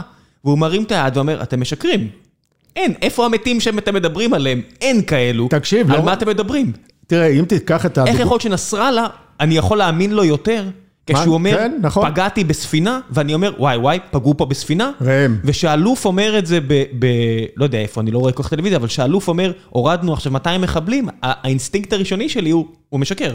ראם, אני הולך להגיד דבר קשה, שאני הייתי לוחם מששת הימים ואילך. אחד היתרונות שלנו שאנחנו היינו אמיתיים, אם המבצע לא הצליח או ההתקפה לא הצליחה, היינו מדווחים. למה זה חשוב להגיד את האמת? כי אז אתה מקבל את התגבורת הראויה. מה היו עושים הערבים כשהיו נכשלים? היו מדווחים שמצליחים. ברגע שהם ידווחו כלפי מעלה שמצליחים, אז אף אחד לא חשב שצריך לקבל עזרה, וככה היה לנו יתרון באמת שלנו. ואנחנו בנושא הזה הידרדרנו, ואנחנו היום, תסלח לי על הביטוי, כמו שאתה אומר, אתה מאמין לו יותר מאשר לנו? הגענו לתרבות של שקר. זה קודם כל, אני חושב שדוברות צה"ל, היא מייצגת את מה שאנחנו קוראים בכל מחיר, המטרה מקדשת האמצעים, לתת דימוי טוב לצה"ל. ובשביל הדימוי מותר לשקר. אתה רואה את זה גם ברחב, ב, בכל מה שהצבא עושה, כשהוא מציג לקבינט ולוועדת חוץ וביטחון מצגות. אני ישבתי שם. אין קשר בין המצגות, אני לא אומר שכל דבר ועניין, אבל הרבה מאוד מצגות שמצגים על כשירות והכל בסדר, כלום לא נכון. זאת אומרת, איך הם אומרים? לא מחפשים את הכביסה המלוכלכת בחוץ. ואני שואל, מה זה בחוץ? הצבא בא להגן על הבחוץ הזה, הבחוץ זה מדינת ישראל, זה האזרחים שלה, שאתה צריך להגן. מה זה בחוץ? אתה שומר על עצמך, על הדימוי שלך, על חשבון הביטחון של המדינה? ואני יכול לתת לך דוגמאות מדהימות. כשאני הוצאתי את הדוח שלי, המאוד קשה, על מה שקורה בצבא, וועדת חוץ וביטחון החליטה להזמין כמה מג"דים, שיגידו, האם בריק צודק כשהוא אומר שאתם לא מוכנים למלחמה? אומרים לי המג"דים, אחרי שהם בוועדת חוץ וביטחון, במקרה פגשתי אותם, לא משנה איפה, חלק מהם, אומרים לי, בריק, עשו לנו תדריך לא לשפוך את התינוק עם המים. לא, להיכנס מתחת לאלונקה, לא לכבס את הכביסה המלוכלכת בחוץ. כלומר, לשקר לוועדת זכות וביטחון, כמה קלישאות, כמה קלישאות סביב העובדה של לשקר. כן, כלומר, מנחים, מנחים אותך שלא לספר את האמת, שמא זה יפגע בדימוי של הצבא. זאת אומרת, זו תרבות קשה ונוראה. כי מאיפה אבל... זה מגיע? מראם עמינח, או לא יודע מי, שיש לו 200 רפרנטים, שהוא במלחמה עם הרפרנט של משרד האוצר כדי לקחת עוד תקציב. והם רק מספרים נרטיבים, וזה הכל כבר מעולמות השיווק, זה לא הצבא. אבל אני אתן לך דוגמה קלאסית מהסיפור הזה.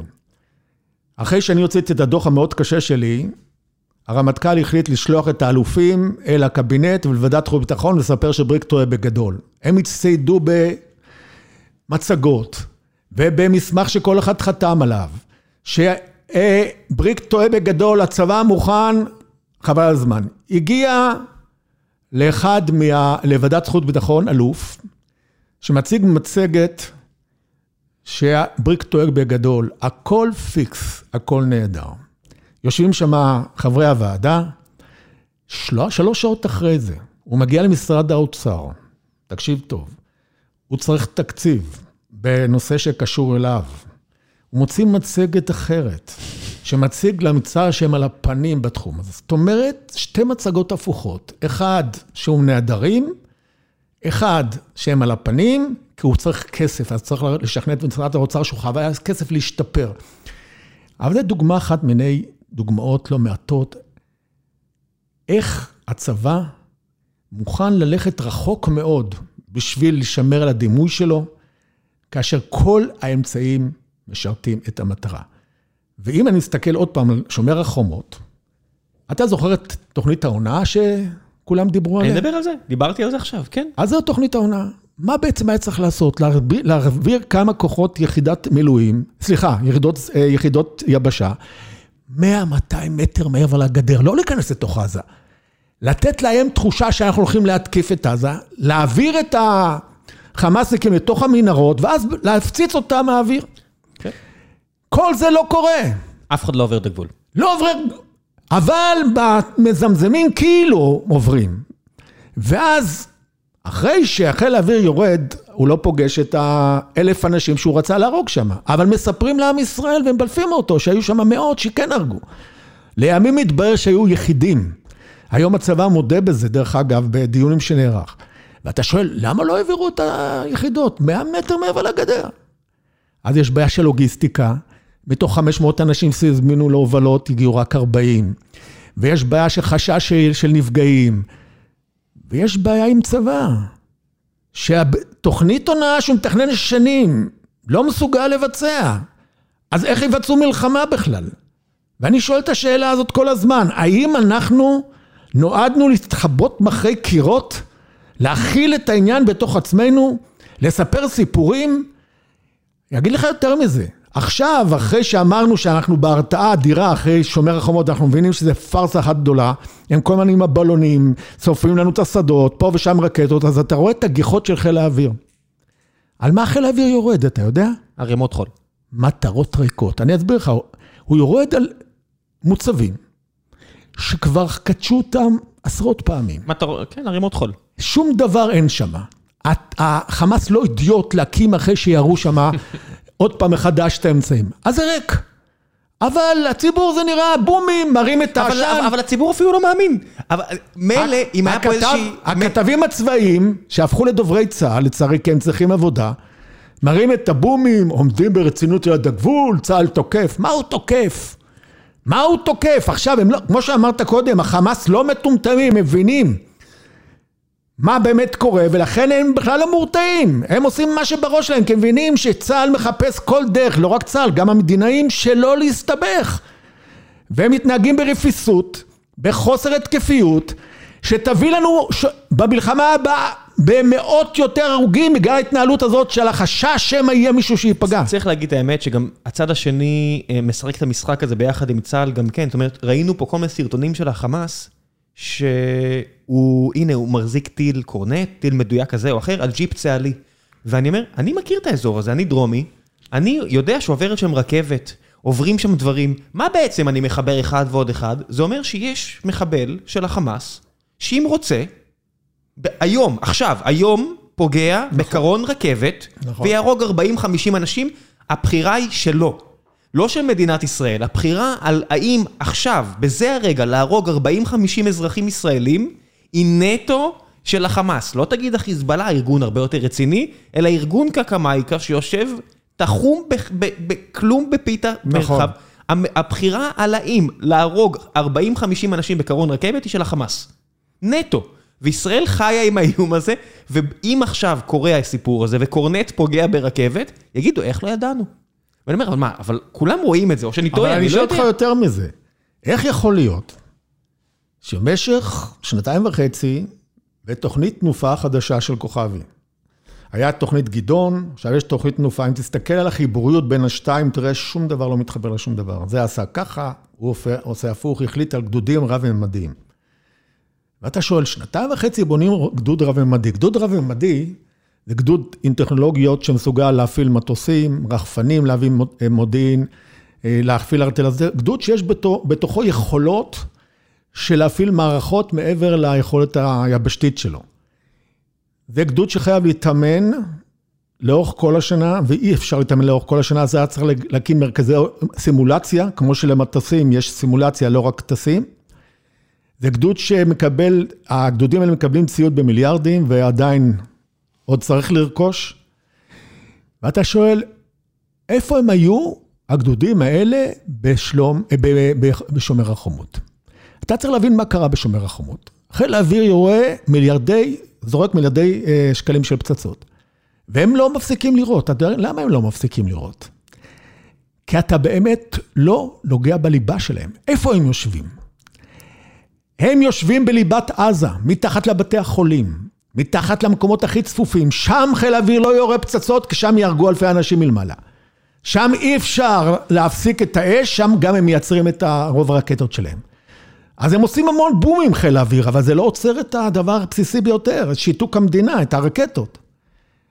איפה איזה גדוד רב-ממדי, שבונים כבר שנתיים וחצי, שמטילים אותו לליבת עזה בדרך שיחליטו, עם סיוע אווירי, עם הרחפנים של המודיעין, עם ארטילריה מדויקת, שהוא צריך להשתלט לא על כל עזה, לא לכבוש את כל עזה, את הליבה ששם מתחת לבית חולים יושבים המוחות, המנהיגות. שם מייצרים את הרקטות, לתפוס את הפירים, את הכניסות, לזרוק רימוני עשן פנימה, לגרום להם להרים דגל לבן, מבלי לכבוש את כל עזה. ידענו לעשות את זה באנטבה, ידענו לעשות את זה בביירות, איפה שנתיים וחצי של עבודה שלא מסוגלים לקחת פקקט גדוד אחד מצוין שהכשיר אותו, להכניס אותו לתוך הסיפור הזה, על מנת לצאת איזשהו תהליך שבאמת הרתעה. גם ב-2006, אה, לפי פרסומים זרים, היה משהו מתחת לבית חולים בלבנון. כן. ניסו, לפחות ניסו. אז שוב חודר לתוך התהליך הזה התפיסה שחס וחלילה מישהו ייפגע. וכשככה חושבים, אי אפשר לנצח מלחמות. אתה חושב שזה באמת פוחדים שמישהו ייפגע, או שפשוט אה, שדעת העולם אה, תסתובב לכיוון, עוד יותר לכיוון נגדנו? ש? שדעת העולם. מה זה דעת העולם? אם אתה נכנס לתוך מערך, אתה לא הולך להרוג אזרחים. אתה בא ותופס את ה... יש לנו מודיעין, אתה יודע איפה הכניסות למנהרות, אתה יודע איפה להעמיד זה, אתה שם אה, אה, סיוע של אוויר מעליך במקומות מדויקים, לא בכל מקום יורים, ארטילריה מדויקת וכל מה שקשור בזה, חיילים מאומנים בלי להיכנס לתוך המנהרות. רק עצם היותך שם, בלי שעשית שום דבר, מעביר אימה לאלה שיושבים שם מתחת, בתוך הבורות. גם אם לא הרגת אותם, הם מבקשים הפסקת אש. תראה, במלחמת יום הכיפורים, כשנלחמתי, הגענו רק שבעה אנשים מהגדוד ועוד הרבה מאוד הרוגים לצה"ל בכלל, לא השמדנו את הצבא המצרי. הם חצרו את התעלה ונשארו שם. שתי ארמיות. פגענו קצת, פגענו שם, אבל הם בגדול לא, לא עזבו מעולם את המקום הזה. מה הביא לניצחון? לא השמדת צבא, אלא בזה שצלחנו את התעלה, הגענו לציר קהיר סואץ, איימנו על קהיר, מרחק עוד של הרבה מאוד קילומטרים משם, אבל הבינו שאנחנו יכולים להגיע לקהיר, וזה מה שהניע את הצבא המצרי, את אנואר סאדאת הנשיא, לצעוק הצילו הפסקת אש. האיום על המשטר, האיום על קהיר. מבלי שכבשנו אף אחד, רק הגענו לנקודת הכרעה, תורפה. אותו דבר במלחמה הבאה, צה"ל לא צריך לכבוש שטחים גדולים, צה"ל צריך להיות מסוגל להפעיל את היחידות שלו לנקודות הכרעה שהמשטרים ייבהלו מזה ויבקשו הפסקת אש, אין יותר הכרעה, יש ניצחון בנקודות. ואם צה"ל את זה, אחרי שהוא מדבר על צבא טכנולוגי, מיומן, לא מסוגל לעשות, לאן הגענו? בוא נעשה קצת שאלות מן הקהל, אה, בריק, יש פה הרבה מאוד אנשים שרוצים לשאול אותך ואין לנו עוד המון זמן. אה, אז דבר המפרסם לפני שנגיע. היי חבר'ה, לפני שנחזור לפרק המעולה הזה עם האלוף בריק, אני רוצה לספר לכם על נותני החסות הנוספים שלנו, והפעם זו חברת המזרנים פנדה, פנדה זיזי. פנדה זו חברת מזרנים שמתנהלת בצורה שונה. אין לה מחסן גדול שבה אתם מגיעים עם אה, בן הזוג שלכם או בת הזוג שלכם ויושבים על עשרות מזרנים וחושבים שאתם מבינים מה יותר נוח לכם או מה פחות נוח לכם, ואז קונים את המזרן שהוא לא הכי יקר ולא הכי זול, כי זה מה שבני אדם עושים. בפנדה אתם מזמינים הכל מהאינטרנט, מה שחוסך עלויות להם בצורה קיצונית וחוסך במחיר לכם, כי המזרנים שלהם יותר זולים, אבל מדובר גם על מזרנים מעולים. והדבר הכי חשוב מבחינתי זה רמת השירות ותודעת השירות, שזה אומר שאתם מזמינים מזרן, והמזרן הזה מגיע אליכם הביתה, ואתם ישנים על המזרן הזה, ואחרי 50 יום אתם יכולים להגיע להחלטה, לא טוב לי, לא נוח לי, תחזירו, והם ייקחו את זה בחזרה ותוכלו להזמין מזרן אחר, וזה שירות שאין כמותו. ואיך אני יודע? כי אני הזמנתי מהם מזרן, לא קשור לחסות הזו, כי הזמנתי פשוט מהם מזרן על, מכספי האישי כדי לבדוק את העניין הזה, והילד שלי ישן למזרן של פנדה, וזה מזרן מעולה, שגם אני מנמנם עליו מדי פעם, כי ככה יוצא. יופי של מוצר, תיכנסו לאתר שלהם, תנו צ'אנס, תזמינו מזרן, לא, לא אוהבים? תחזירו. אני אומר לכם שאתם כנראה תאהבו, כי זה יופי של מזרנים במחירים מנצחים. ועכשיו, בחזרה לגיקונומי 461 עם האלוף בריק. מקווה שאתם נהנים, או לפחות מחכימים, או לפחות לומדים על הבעיות הגדולות של צה"ל. והגענו. אה, בני פרץ שואל, אה, האם יצא לך אה, לקרוא את הספר של עופר שלח? אני יודע שיצא לך לשוחח איתו המון.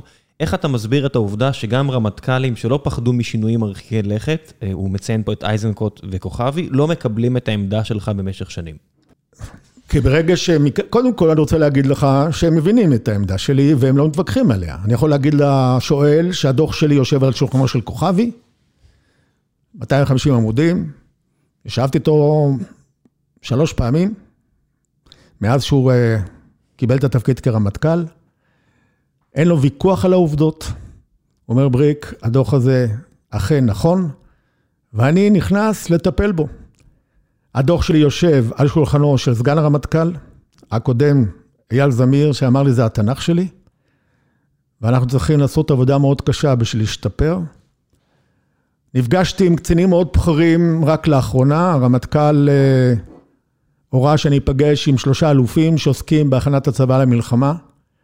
והם ציינו בפניי שאכן הבעיות שאני מעלה בדוח הן מאוד מאוד כואבות ונכונות, והם הציגו לי תוכנית איך הם רוצים להשתפר. אז מי שחושב שלא מקבלים את עמדתי הוא טועה בגדול. כלפי חוץ, אחת הבעיות, שהצבא גם מבין את הבעיות שלו. אה, השידור כלפי חוץ לאזרחים שזה בסדר, אני עוד פעם חוזר לנושא של הדימוי. הם לא באים ואומרים, אנחנו בבעיה קריטית, צריך לטפל בה, הם אומרים, אנחנו מטפלים, בעיות, אבל אנחנו בסדר. וזאת הבעיה המרכזית. לא מודים בבעיה, יכול להיות מבחינתם, הם רוצים להשאיר דימוי חיובי. אין היום ויכוח על העובדות, על הדוח שלי מהסיבה נורא פשוטה.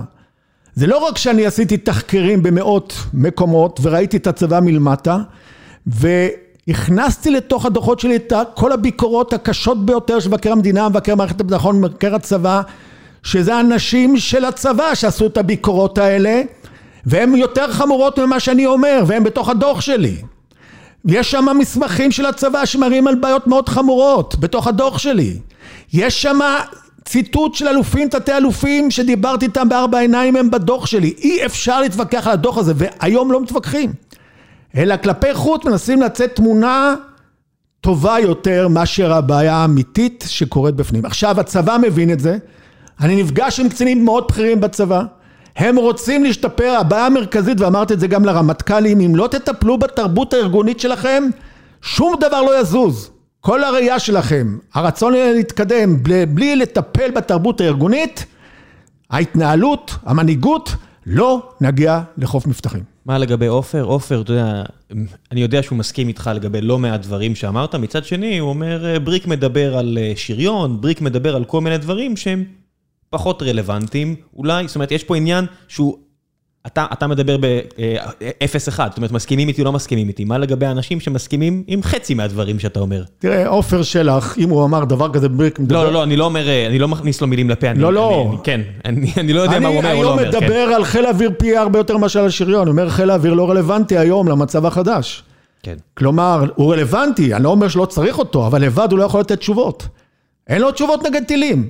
אני מדבר על זה יום ולילה, אני מדבר על נושא התחזוקה שקרס, רק ראינו בשומר החומות, לא הצליחו לגייס נהגים.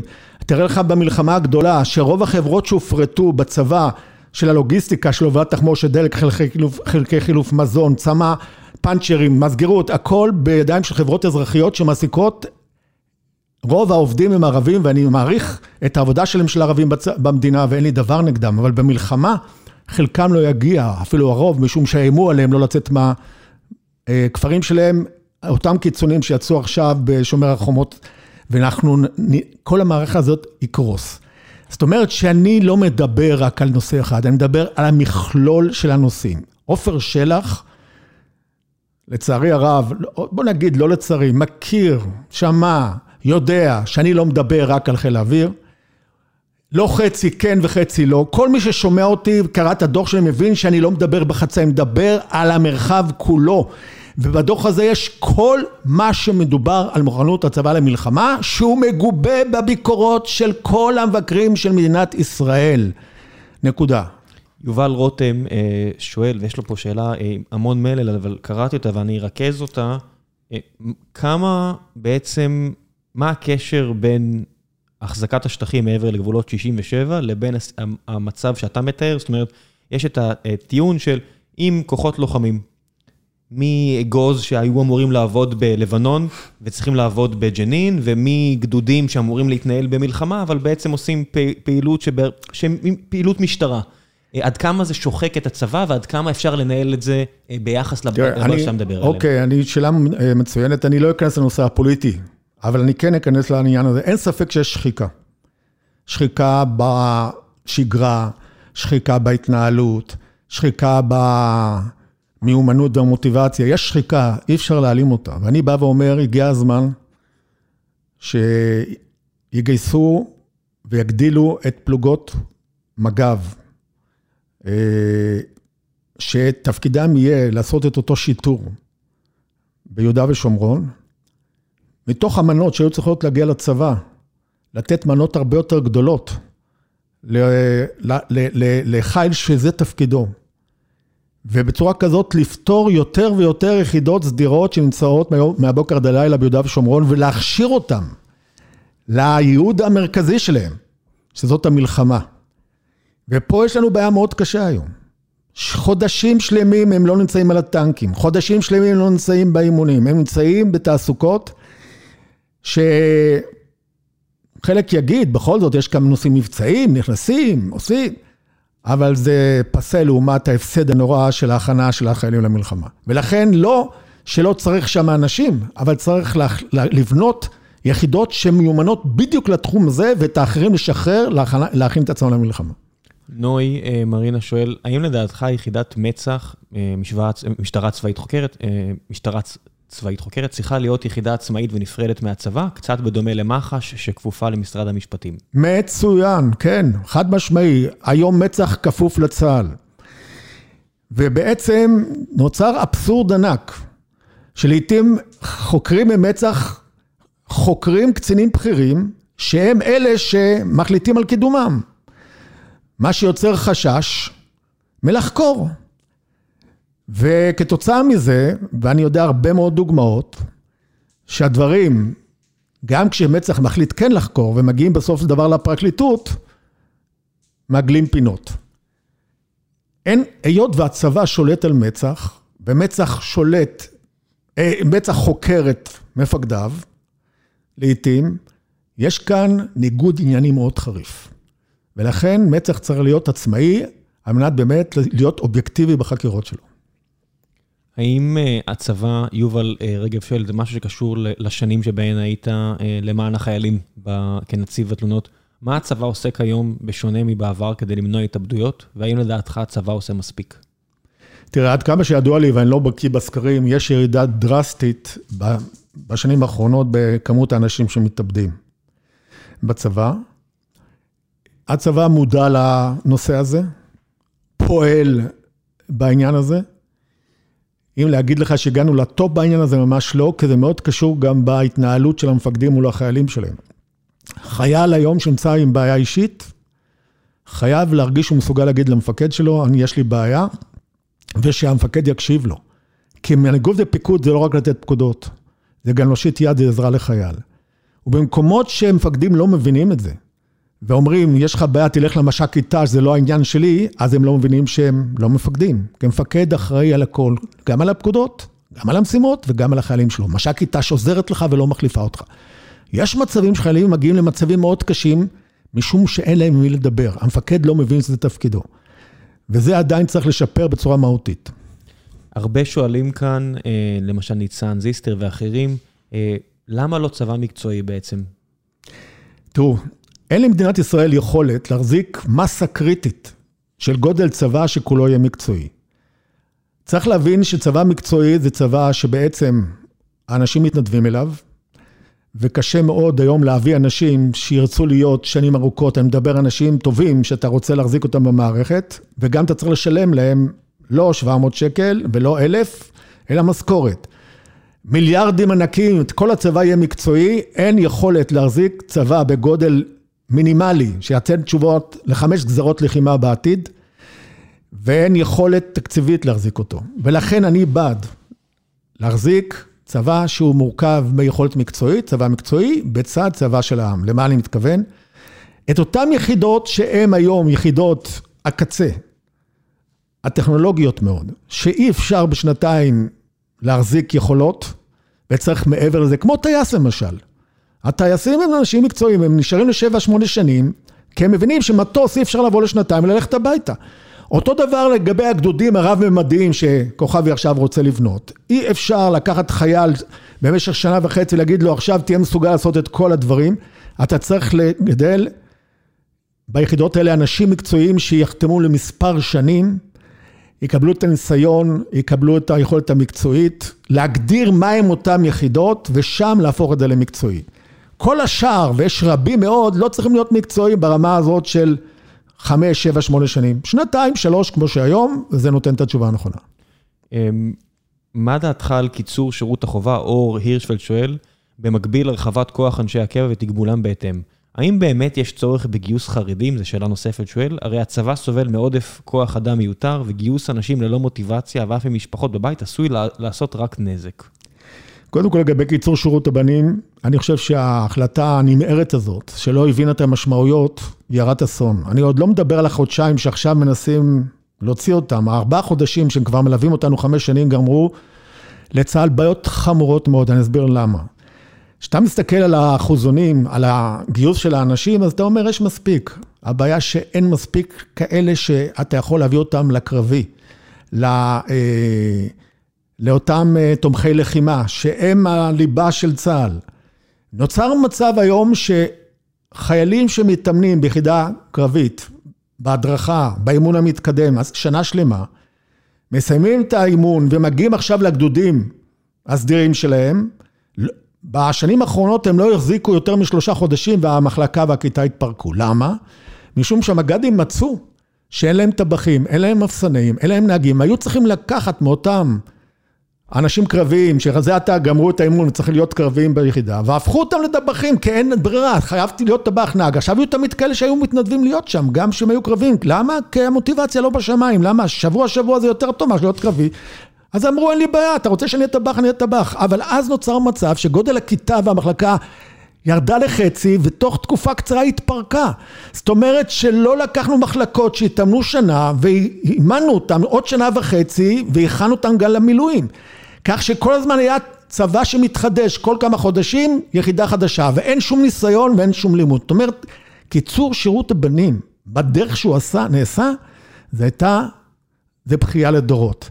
אז לכן אני אומר, שלא חסרים ב- בליבת מדינת ישראל, במשולש הברזל, אנשים, אבל זה לא אנשים שאתה יכול להביא אותם היום לקרבי. משום שאתה רוצ... מכריח אנשים להיות בקרבי, הם מוצאים את הדרך לצאת משם. זה יוצר חוסר מוטיבציה וכל מה שקשור בזה. אז קיצור שירות הבנים זה טעות גדולה. השאלה השנייה מה הייתה? בנוגע לחרדים. תראו, אני חושב, לאור ניסיון רב שנים, שכולנו מכירים את הפרשה שהתפוצצה, זיוף גיוס החרדים. המספרים הם כאלה, אם הצבא ניסה לעשות, לדמות תהליך שאנחנו מגדילים כל שנה את גיוס החרדים, הכל היה בלוף אחד גדול. הממוצע בשבע שנים האחרונות היה אלף פלוס. אלף אנשים. אלף אנשים חרדים. והצבא הכפיל ושילש וסיפר, על זה התפוצצה הפרשה.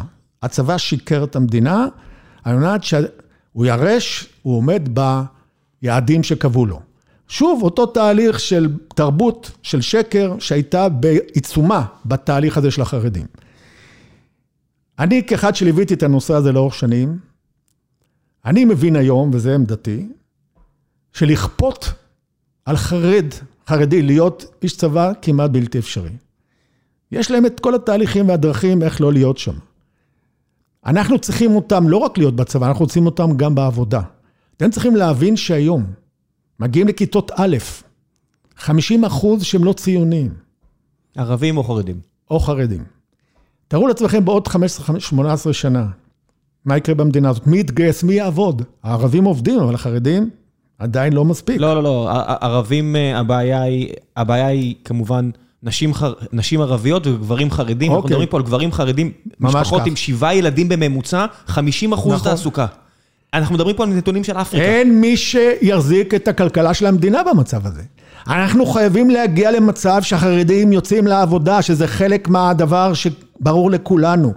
ואם אתם שואלים אותי לאור הניסיון שהיה עם החרדים, הניסיון לכפות עליהם, אה, אני היום בעד לא לעצור את החרדים ללכת לעבודה. הרי מה אמרו? אתה יכול להשתחרר בגיל 26 מהצורך להיות בצבא, אבל אם אתה לא הולך לצבא, אתה לא יכול לעבוד. אני בא ואומר, תן לו לעבוד ברגע שהוא, שהוא יכול לעבוד. יכול להיות שלא צריך לסגור לו, כמו שסגור עכשיו ב-21 אתה משתחרר. אתם יכולים להגיד לו, אתה מבחינתי יכול להשתחרר גם בגיל 30, מה היכולת שלך להתגייס. גם אחרי שהוא מתחיל לעבוד, יכול להיות שהוא כן ירצה לבוא לצבא, אז למה לאבד אותו? זאת אומרת, לפתוח את העניין לעבודה מכל גיל, שתיים, לא לכפות להגיע לצבא, שלוש, לא לסגור את האופציה שהוא יגיע לצבא, כי אפשר לגייס אותו גם בגיל 30, 25, 27, שאחרי שהוא עבד, הגיע להבנה שהוא רוצה בכל זאת לתרום את עצמו, אה, לתרום מעצמו לצבא. זה, זה הכיוון שלדעתי היה צריך ללכת אליו. בוא נעשה עוד שתי שאלות ונסיים. אה, יובל גולדשטיין אומר, אם היית מחר בבוקר שר הביטחון, מה עם שלושת הדברים שהיית עושה במאה הימים הראשונים שלך? הייתי קורא למטכ"ל אליי לדיון. הייתי מצביע על הכשל המאוד חמור בנושא התרבות הארגונית, שזה היסוד של הצבא. התחלתי קודם להסביר מה זה, אבל אני לא אפרט כרגע יותר, שללא זה אי אפשר להקים את הבית. ודורש מהם להציג תהליך שמשנה את זה מקצה לקצה, שהופך את צה"ל ממיליציה לצבא אמיתי. לשבור הגה, כמו ששותף שלי פה, שותף שלי פה בחברה, גיל הירש, אומר לשבור הגה. אם, אם אנחנו לא נוסעים בכיוון, הנכונה, בכיוון הנכון, תשבור הגה כן, במכונית כן. הזו. ולעשות בקרה ומעקב על התהליך הזה, עם יעדים, עם תוכנית עבודה, זה עסק מאוד לא פשוט, זה ללכת נגד הזרם אחרי שנים של תרבות קלוקלת, ללא משמעת, ללא בקרה ומעקב, ללא ביקורות. קדנטות קצרות, ללא מקצועיות, ללא תרבות אה, לומדת, אה, תרבות של שקר, אלה דברים שאי אפשר איתם לחיות יותר. וכל מה שנעשה, אם לא נשפר את זה, זה אחד. אז זה הדבר הראשון שהייתי עושה כשר ביטחון. אז דבר השני, הייתי הולך לראש הממשלה. והייתי אומר לו, אדוני, הגיע הזמן שמדינת ישראל, הקבינט, יעסקו בביטחון של המדינה. מאיזה שנים אין דיונים בקבינט על ביטחון. חברי הקבינט לא עוסקים בביטחון. אין תפיסת ביטחון. צריך להקים מועצה ביטחון לאומי שתעסוק בביטחון, לא מה שקורה היום. והממשלה תקבל החלטות על ביטחון ותיקח אחריות על הביטחון. ותלמד את האיום ותגדיר את הצרכים ותיתן לרמטכ"ל להציג תוכנית, לאשר אותה, לגזור תקציב ולהתחיל לנהל צבא שישמור על המדינה. אם לא נעשה את המשוואה המשולבת הזאת, של מדינה, של מנהיגות במדינה, שעוסקת בביטחון של המדינה, לא רק ראש הממשלה על פי הבנתו, אלא מערכת שלמה שחושבת, יש בשביל זה מועצה לביטחון לאומי שלא עוסקת בזה לצערי, שבונה תפיסת ביטחון, שמציגה אותה, שהצבא בונה תוכנית עבודה, שמחייבת אותו, וכל רמטכ"ל ממשיך על קודמו, ולא כל אחד ממציא את הגלגל מחדש. שהקבינט מעורב בתהליך הזה, שמתחילים לעסוק בביטחון של המדינה הזאת ברמה הלאומית וברמה הצבאית, זה הכיוון שצריך להתחיל בו. שתיים, מה שלוש? הדבר השלישי, אם אתם שואלים אותי, זה כל מה שקשור לטיוב כוח האדם, איכויות האנשים. אני בא ואומר שצבא, שגם תהיה לו תרבות ארגונית טובה, וצבא שהמדינה עוסקת בדברים, אם לא נצליח להחזיק את האנשים הטובים, האיכותיים, נאבד אותו לדעת. יש כאן מערכת שלמה של דברים שצריך לבצע, על מנת שנוכל להשאיר את הטובים ביותר. זה לא פשוט, אפשר לדבר על זה מחר מה צריך לעשות, אבל זה בהחלט מטרה שצריכה לעמוד בפני עצמה. איך משאירים את הטובים בצבא? משום שהנושא של ביטחון המדינה הוא לא פחות חשוב מכל דבר אחר של המדינה הזאת. הוא אולי הכי חשוב, כי אתה יכול להיות עם כלכלה מצוינת ועם בריאות מצוינת, שאנחנו לא שם, בבריאות לפחות. ועם תרבות מצוינת, אבל אם אין לך ביטחון מצוין, אז אתה יכול לא לשרוד פה, ואתה יכול לאבד את הכל במכה. אלה שלושת הדברים. אני הייתי, אתה יודע, בסוף אתה מדבר על הכל בצורה כל כך נכונה, אבל זה מתחיל ממטרות. מה, מה המטרות, על מה אתה אה, נמדד? אם היו אומרים, המטרה של המשטרה זה להציע ביטחון לאזרחיה, אם הם לא עושים את זה, אם כשאני מדבר יודע... על תפיסת ביטחון, זה המטרה. כן. עכשיו, זה... אתה צריך להבין עוד מילה. בן גוריון טבע תפיסת ביטחון, שלא השתנתה מאז, להעביר את המלחמה לצד השני. אלא מה? היום, גם אם תעביר את המלחמה לצד השני, תהיה בתוכך, כי היום הזירה המרכזית במלחמה הבאה זה העורף שלנו. חבר'ה, מעולם לא חווינו חוויה כזאת שאנחנו נלחמים בחזיתות, אבל מי שמסתכן יותר מאשר הבן שלו בצנחנים זה אבא שיושב בתל אביב. זאת אומרת, הליבה שלנו תהיה מותקפת, ונצטרך לעבוד כתפיסת ביטחון גם בחזיתות וגם בליבה בתוך מדינת ישראל. מול הטילים, מול הפרעות שיכולים להיות של אה, גורמים קיצוניים, צריך כאן לשנות תפיסה. מהו האיום? מה צריך להתכונן, וכל זה לא עשינו, ולכן לא מתכוננים לכיוונים הנכונים. אין את המטרות, אין את היעדים, הכל פרטאץ', מהיום למחר. כל אחד ממציא את הגלגל. מאז 1941 לא נהרגו אנשים בתל אביב באמת מהפצצות מהאוויר, אני חושב שמאז שהצבא האיטלקי לא הפציץ את תל אביב. עכשיו תאר לעצמך מה יקרה במדינה הזאת, שכל יום ייפלו בתל אביב מאות טילים. עם רש"קים של מאות קילוגרמים. גם הלא מדויקים יפגעו בתל אביב. הבניינים פה עשויים מחול. כל בניין שלא עבר תמ"א 38 כן? יקרוס. תאר לעצמך איך מגייסים מילואים בשלב הזה. האם באמת האנשים רצים לחזיתות שהבית שלהם במצב בעייתי, המשפחה, מה עושים, לאן רצים, איפה מתחבאים. למשל, מדינת ישראל הייתה צריכה היום לרשת את כל המנהרות מתחת לתל אביב, הרכבת התחתית, המנהרות האחרות מתחת לכבישים, ולקבוע למי שאין ממ"ד, שלשם הוא הולך. זאת אומרת, לעשות מיפוי במדינת ישראל ולהתחיל להכין, לחשוב את הרשויות, איך מתמודדים עם כל הדבר הזה. אף אחד לא עוסק בזה. אף אחד לא עוסק בנושא של איך מנהלים את המלחמה הזאת בעורף. ראינו איך ניהלו את הקורונה. כלומר, אין היום מערכת שיודעת לנהל את כל המערך הזה. הרשויות לא מוכנות, ניהול המלחמה לא, אה, לא, לא סגור. אנחנו בעצם חיים מהיום למחר. לה לה לנד, ציפון הטיטניק. וכולם חיים, ואדישים. אתה יודע מה המזל שלנו באמת. נו. שהצד השני כל כך במצב הרבה יותר גרוע משלנו. הצבא... זה מזל. אז אתה טועה בגדול, המצב הצבאי שלהם, לא רק שלא יותר גרוע משלנו, הוא הרבה יותר טוב משלנו. איך אתה יכול להגיד דבר כזה? המצב הצבאי? של, אנחנו מדברים פה על מדינות שהן לא משלמות לחיילים שלהם. שמה הם? שבהרבה מקומות הם, הם על סף קריסה. יש להם היום פוטנציאל של ירי של אלפי טילים ביום. גם לנו. את זה הם יודעים ליישם. אבל גם לנו, אני אומר... זה, לנו אין את זה. מה הכוונה? אין לך היום טילים שאתה יכול לתת להם תשובה, לטילים שלהם. האווירונים לא יודעים לתת את התשובה הזאת, דיברנו על זה. חיל טילים לא בנינו. מה זה, ה... אז מה זה חיל התותחנים שלנו? חיל תותחנים זה ארטילריה. זה ארטילריה שיורדת על מוצבים, זה לא נגד טילי אויב, היא גם לא מדויקת. אתה צריך היום טילים מדויקים לצד שלנו שיכולים לפגוע בטילים שלהם, אין לנו את זה. חיל האוויר לא יודע לתת תשובות לזה, ראינו את זה רק מול עזה, דיברתי על זה כל השעה הזאת. לא בנינו לייזר, לייזר שהוא היום... יש לנו טילים נגד טילים שהם במשורה, כי הם עולים מאוד ביוקר. חץ עולה שלושה מיליון דולר, כמה אתה יכול להחזיק מזה? שרביט קסמים מיליון דולר, טיל. כיפת ברזל קרוב למאה אלף דולר רקטה. אין לנו מלאים. זה מיליארדי דולרים של להחזיק מלאים מזה. אז אתה מחזיק את זה במשורה, אז במלחמה הבאה שהאזרחים ישכחו מלראות רקטות של כיפת ברזל מפילים טילים, כי כל מה שיש ירוכז להגן על המטרות האסטרטגיות, לא על האוכלוסייה. וגם זה ייגמר אחרי יומיים. תראה מה קרה לנו בלחימה מול עזה. אחרי שבועיים רצו לארה"ב לבקש כסף לקנות מלאים שנגמרו בכיפת ברזל. עכשיו, כיפת ברזל גם לא נותנת תשובות לטילים המדויקים והרחוקים של האויב. כלומר, אנחנו בבעיה שלא התכוננו אליה. היום צריך להתחיל לרשת את התהליך, לעסוק בו. להתחיל לבנות, אבל אתה לא רואה שיש עשייה בעניין הזה. טוב, ובנימה זו, אולי נקווה, אתה יודע, ראש הממשלה הנוכחי ב-2006 היה עם המגפיים או נעלי הרים שלו על הקרקע וחיפש משגרים, אז אולי הבעיה הזאת גם מטרידה אותו. לא ראש יודע. הממשלה מכיר את הבעיה מצוין, ישבתי איתו מספר שעות. אין בעיה בהבנה.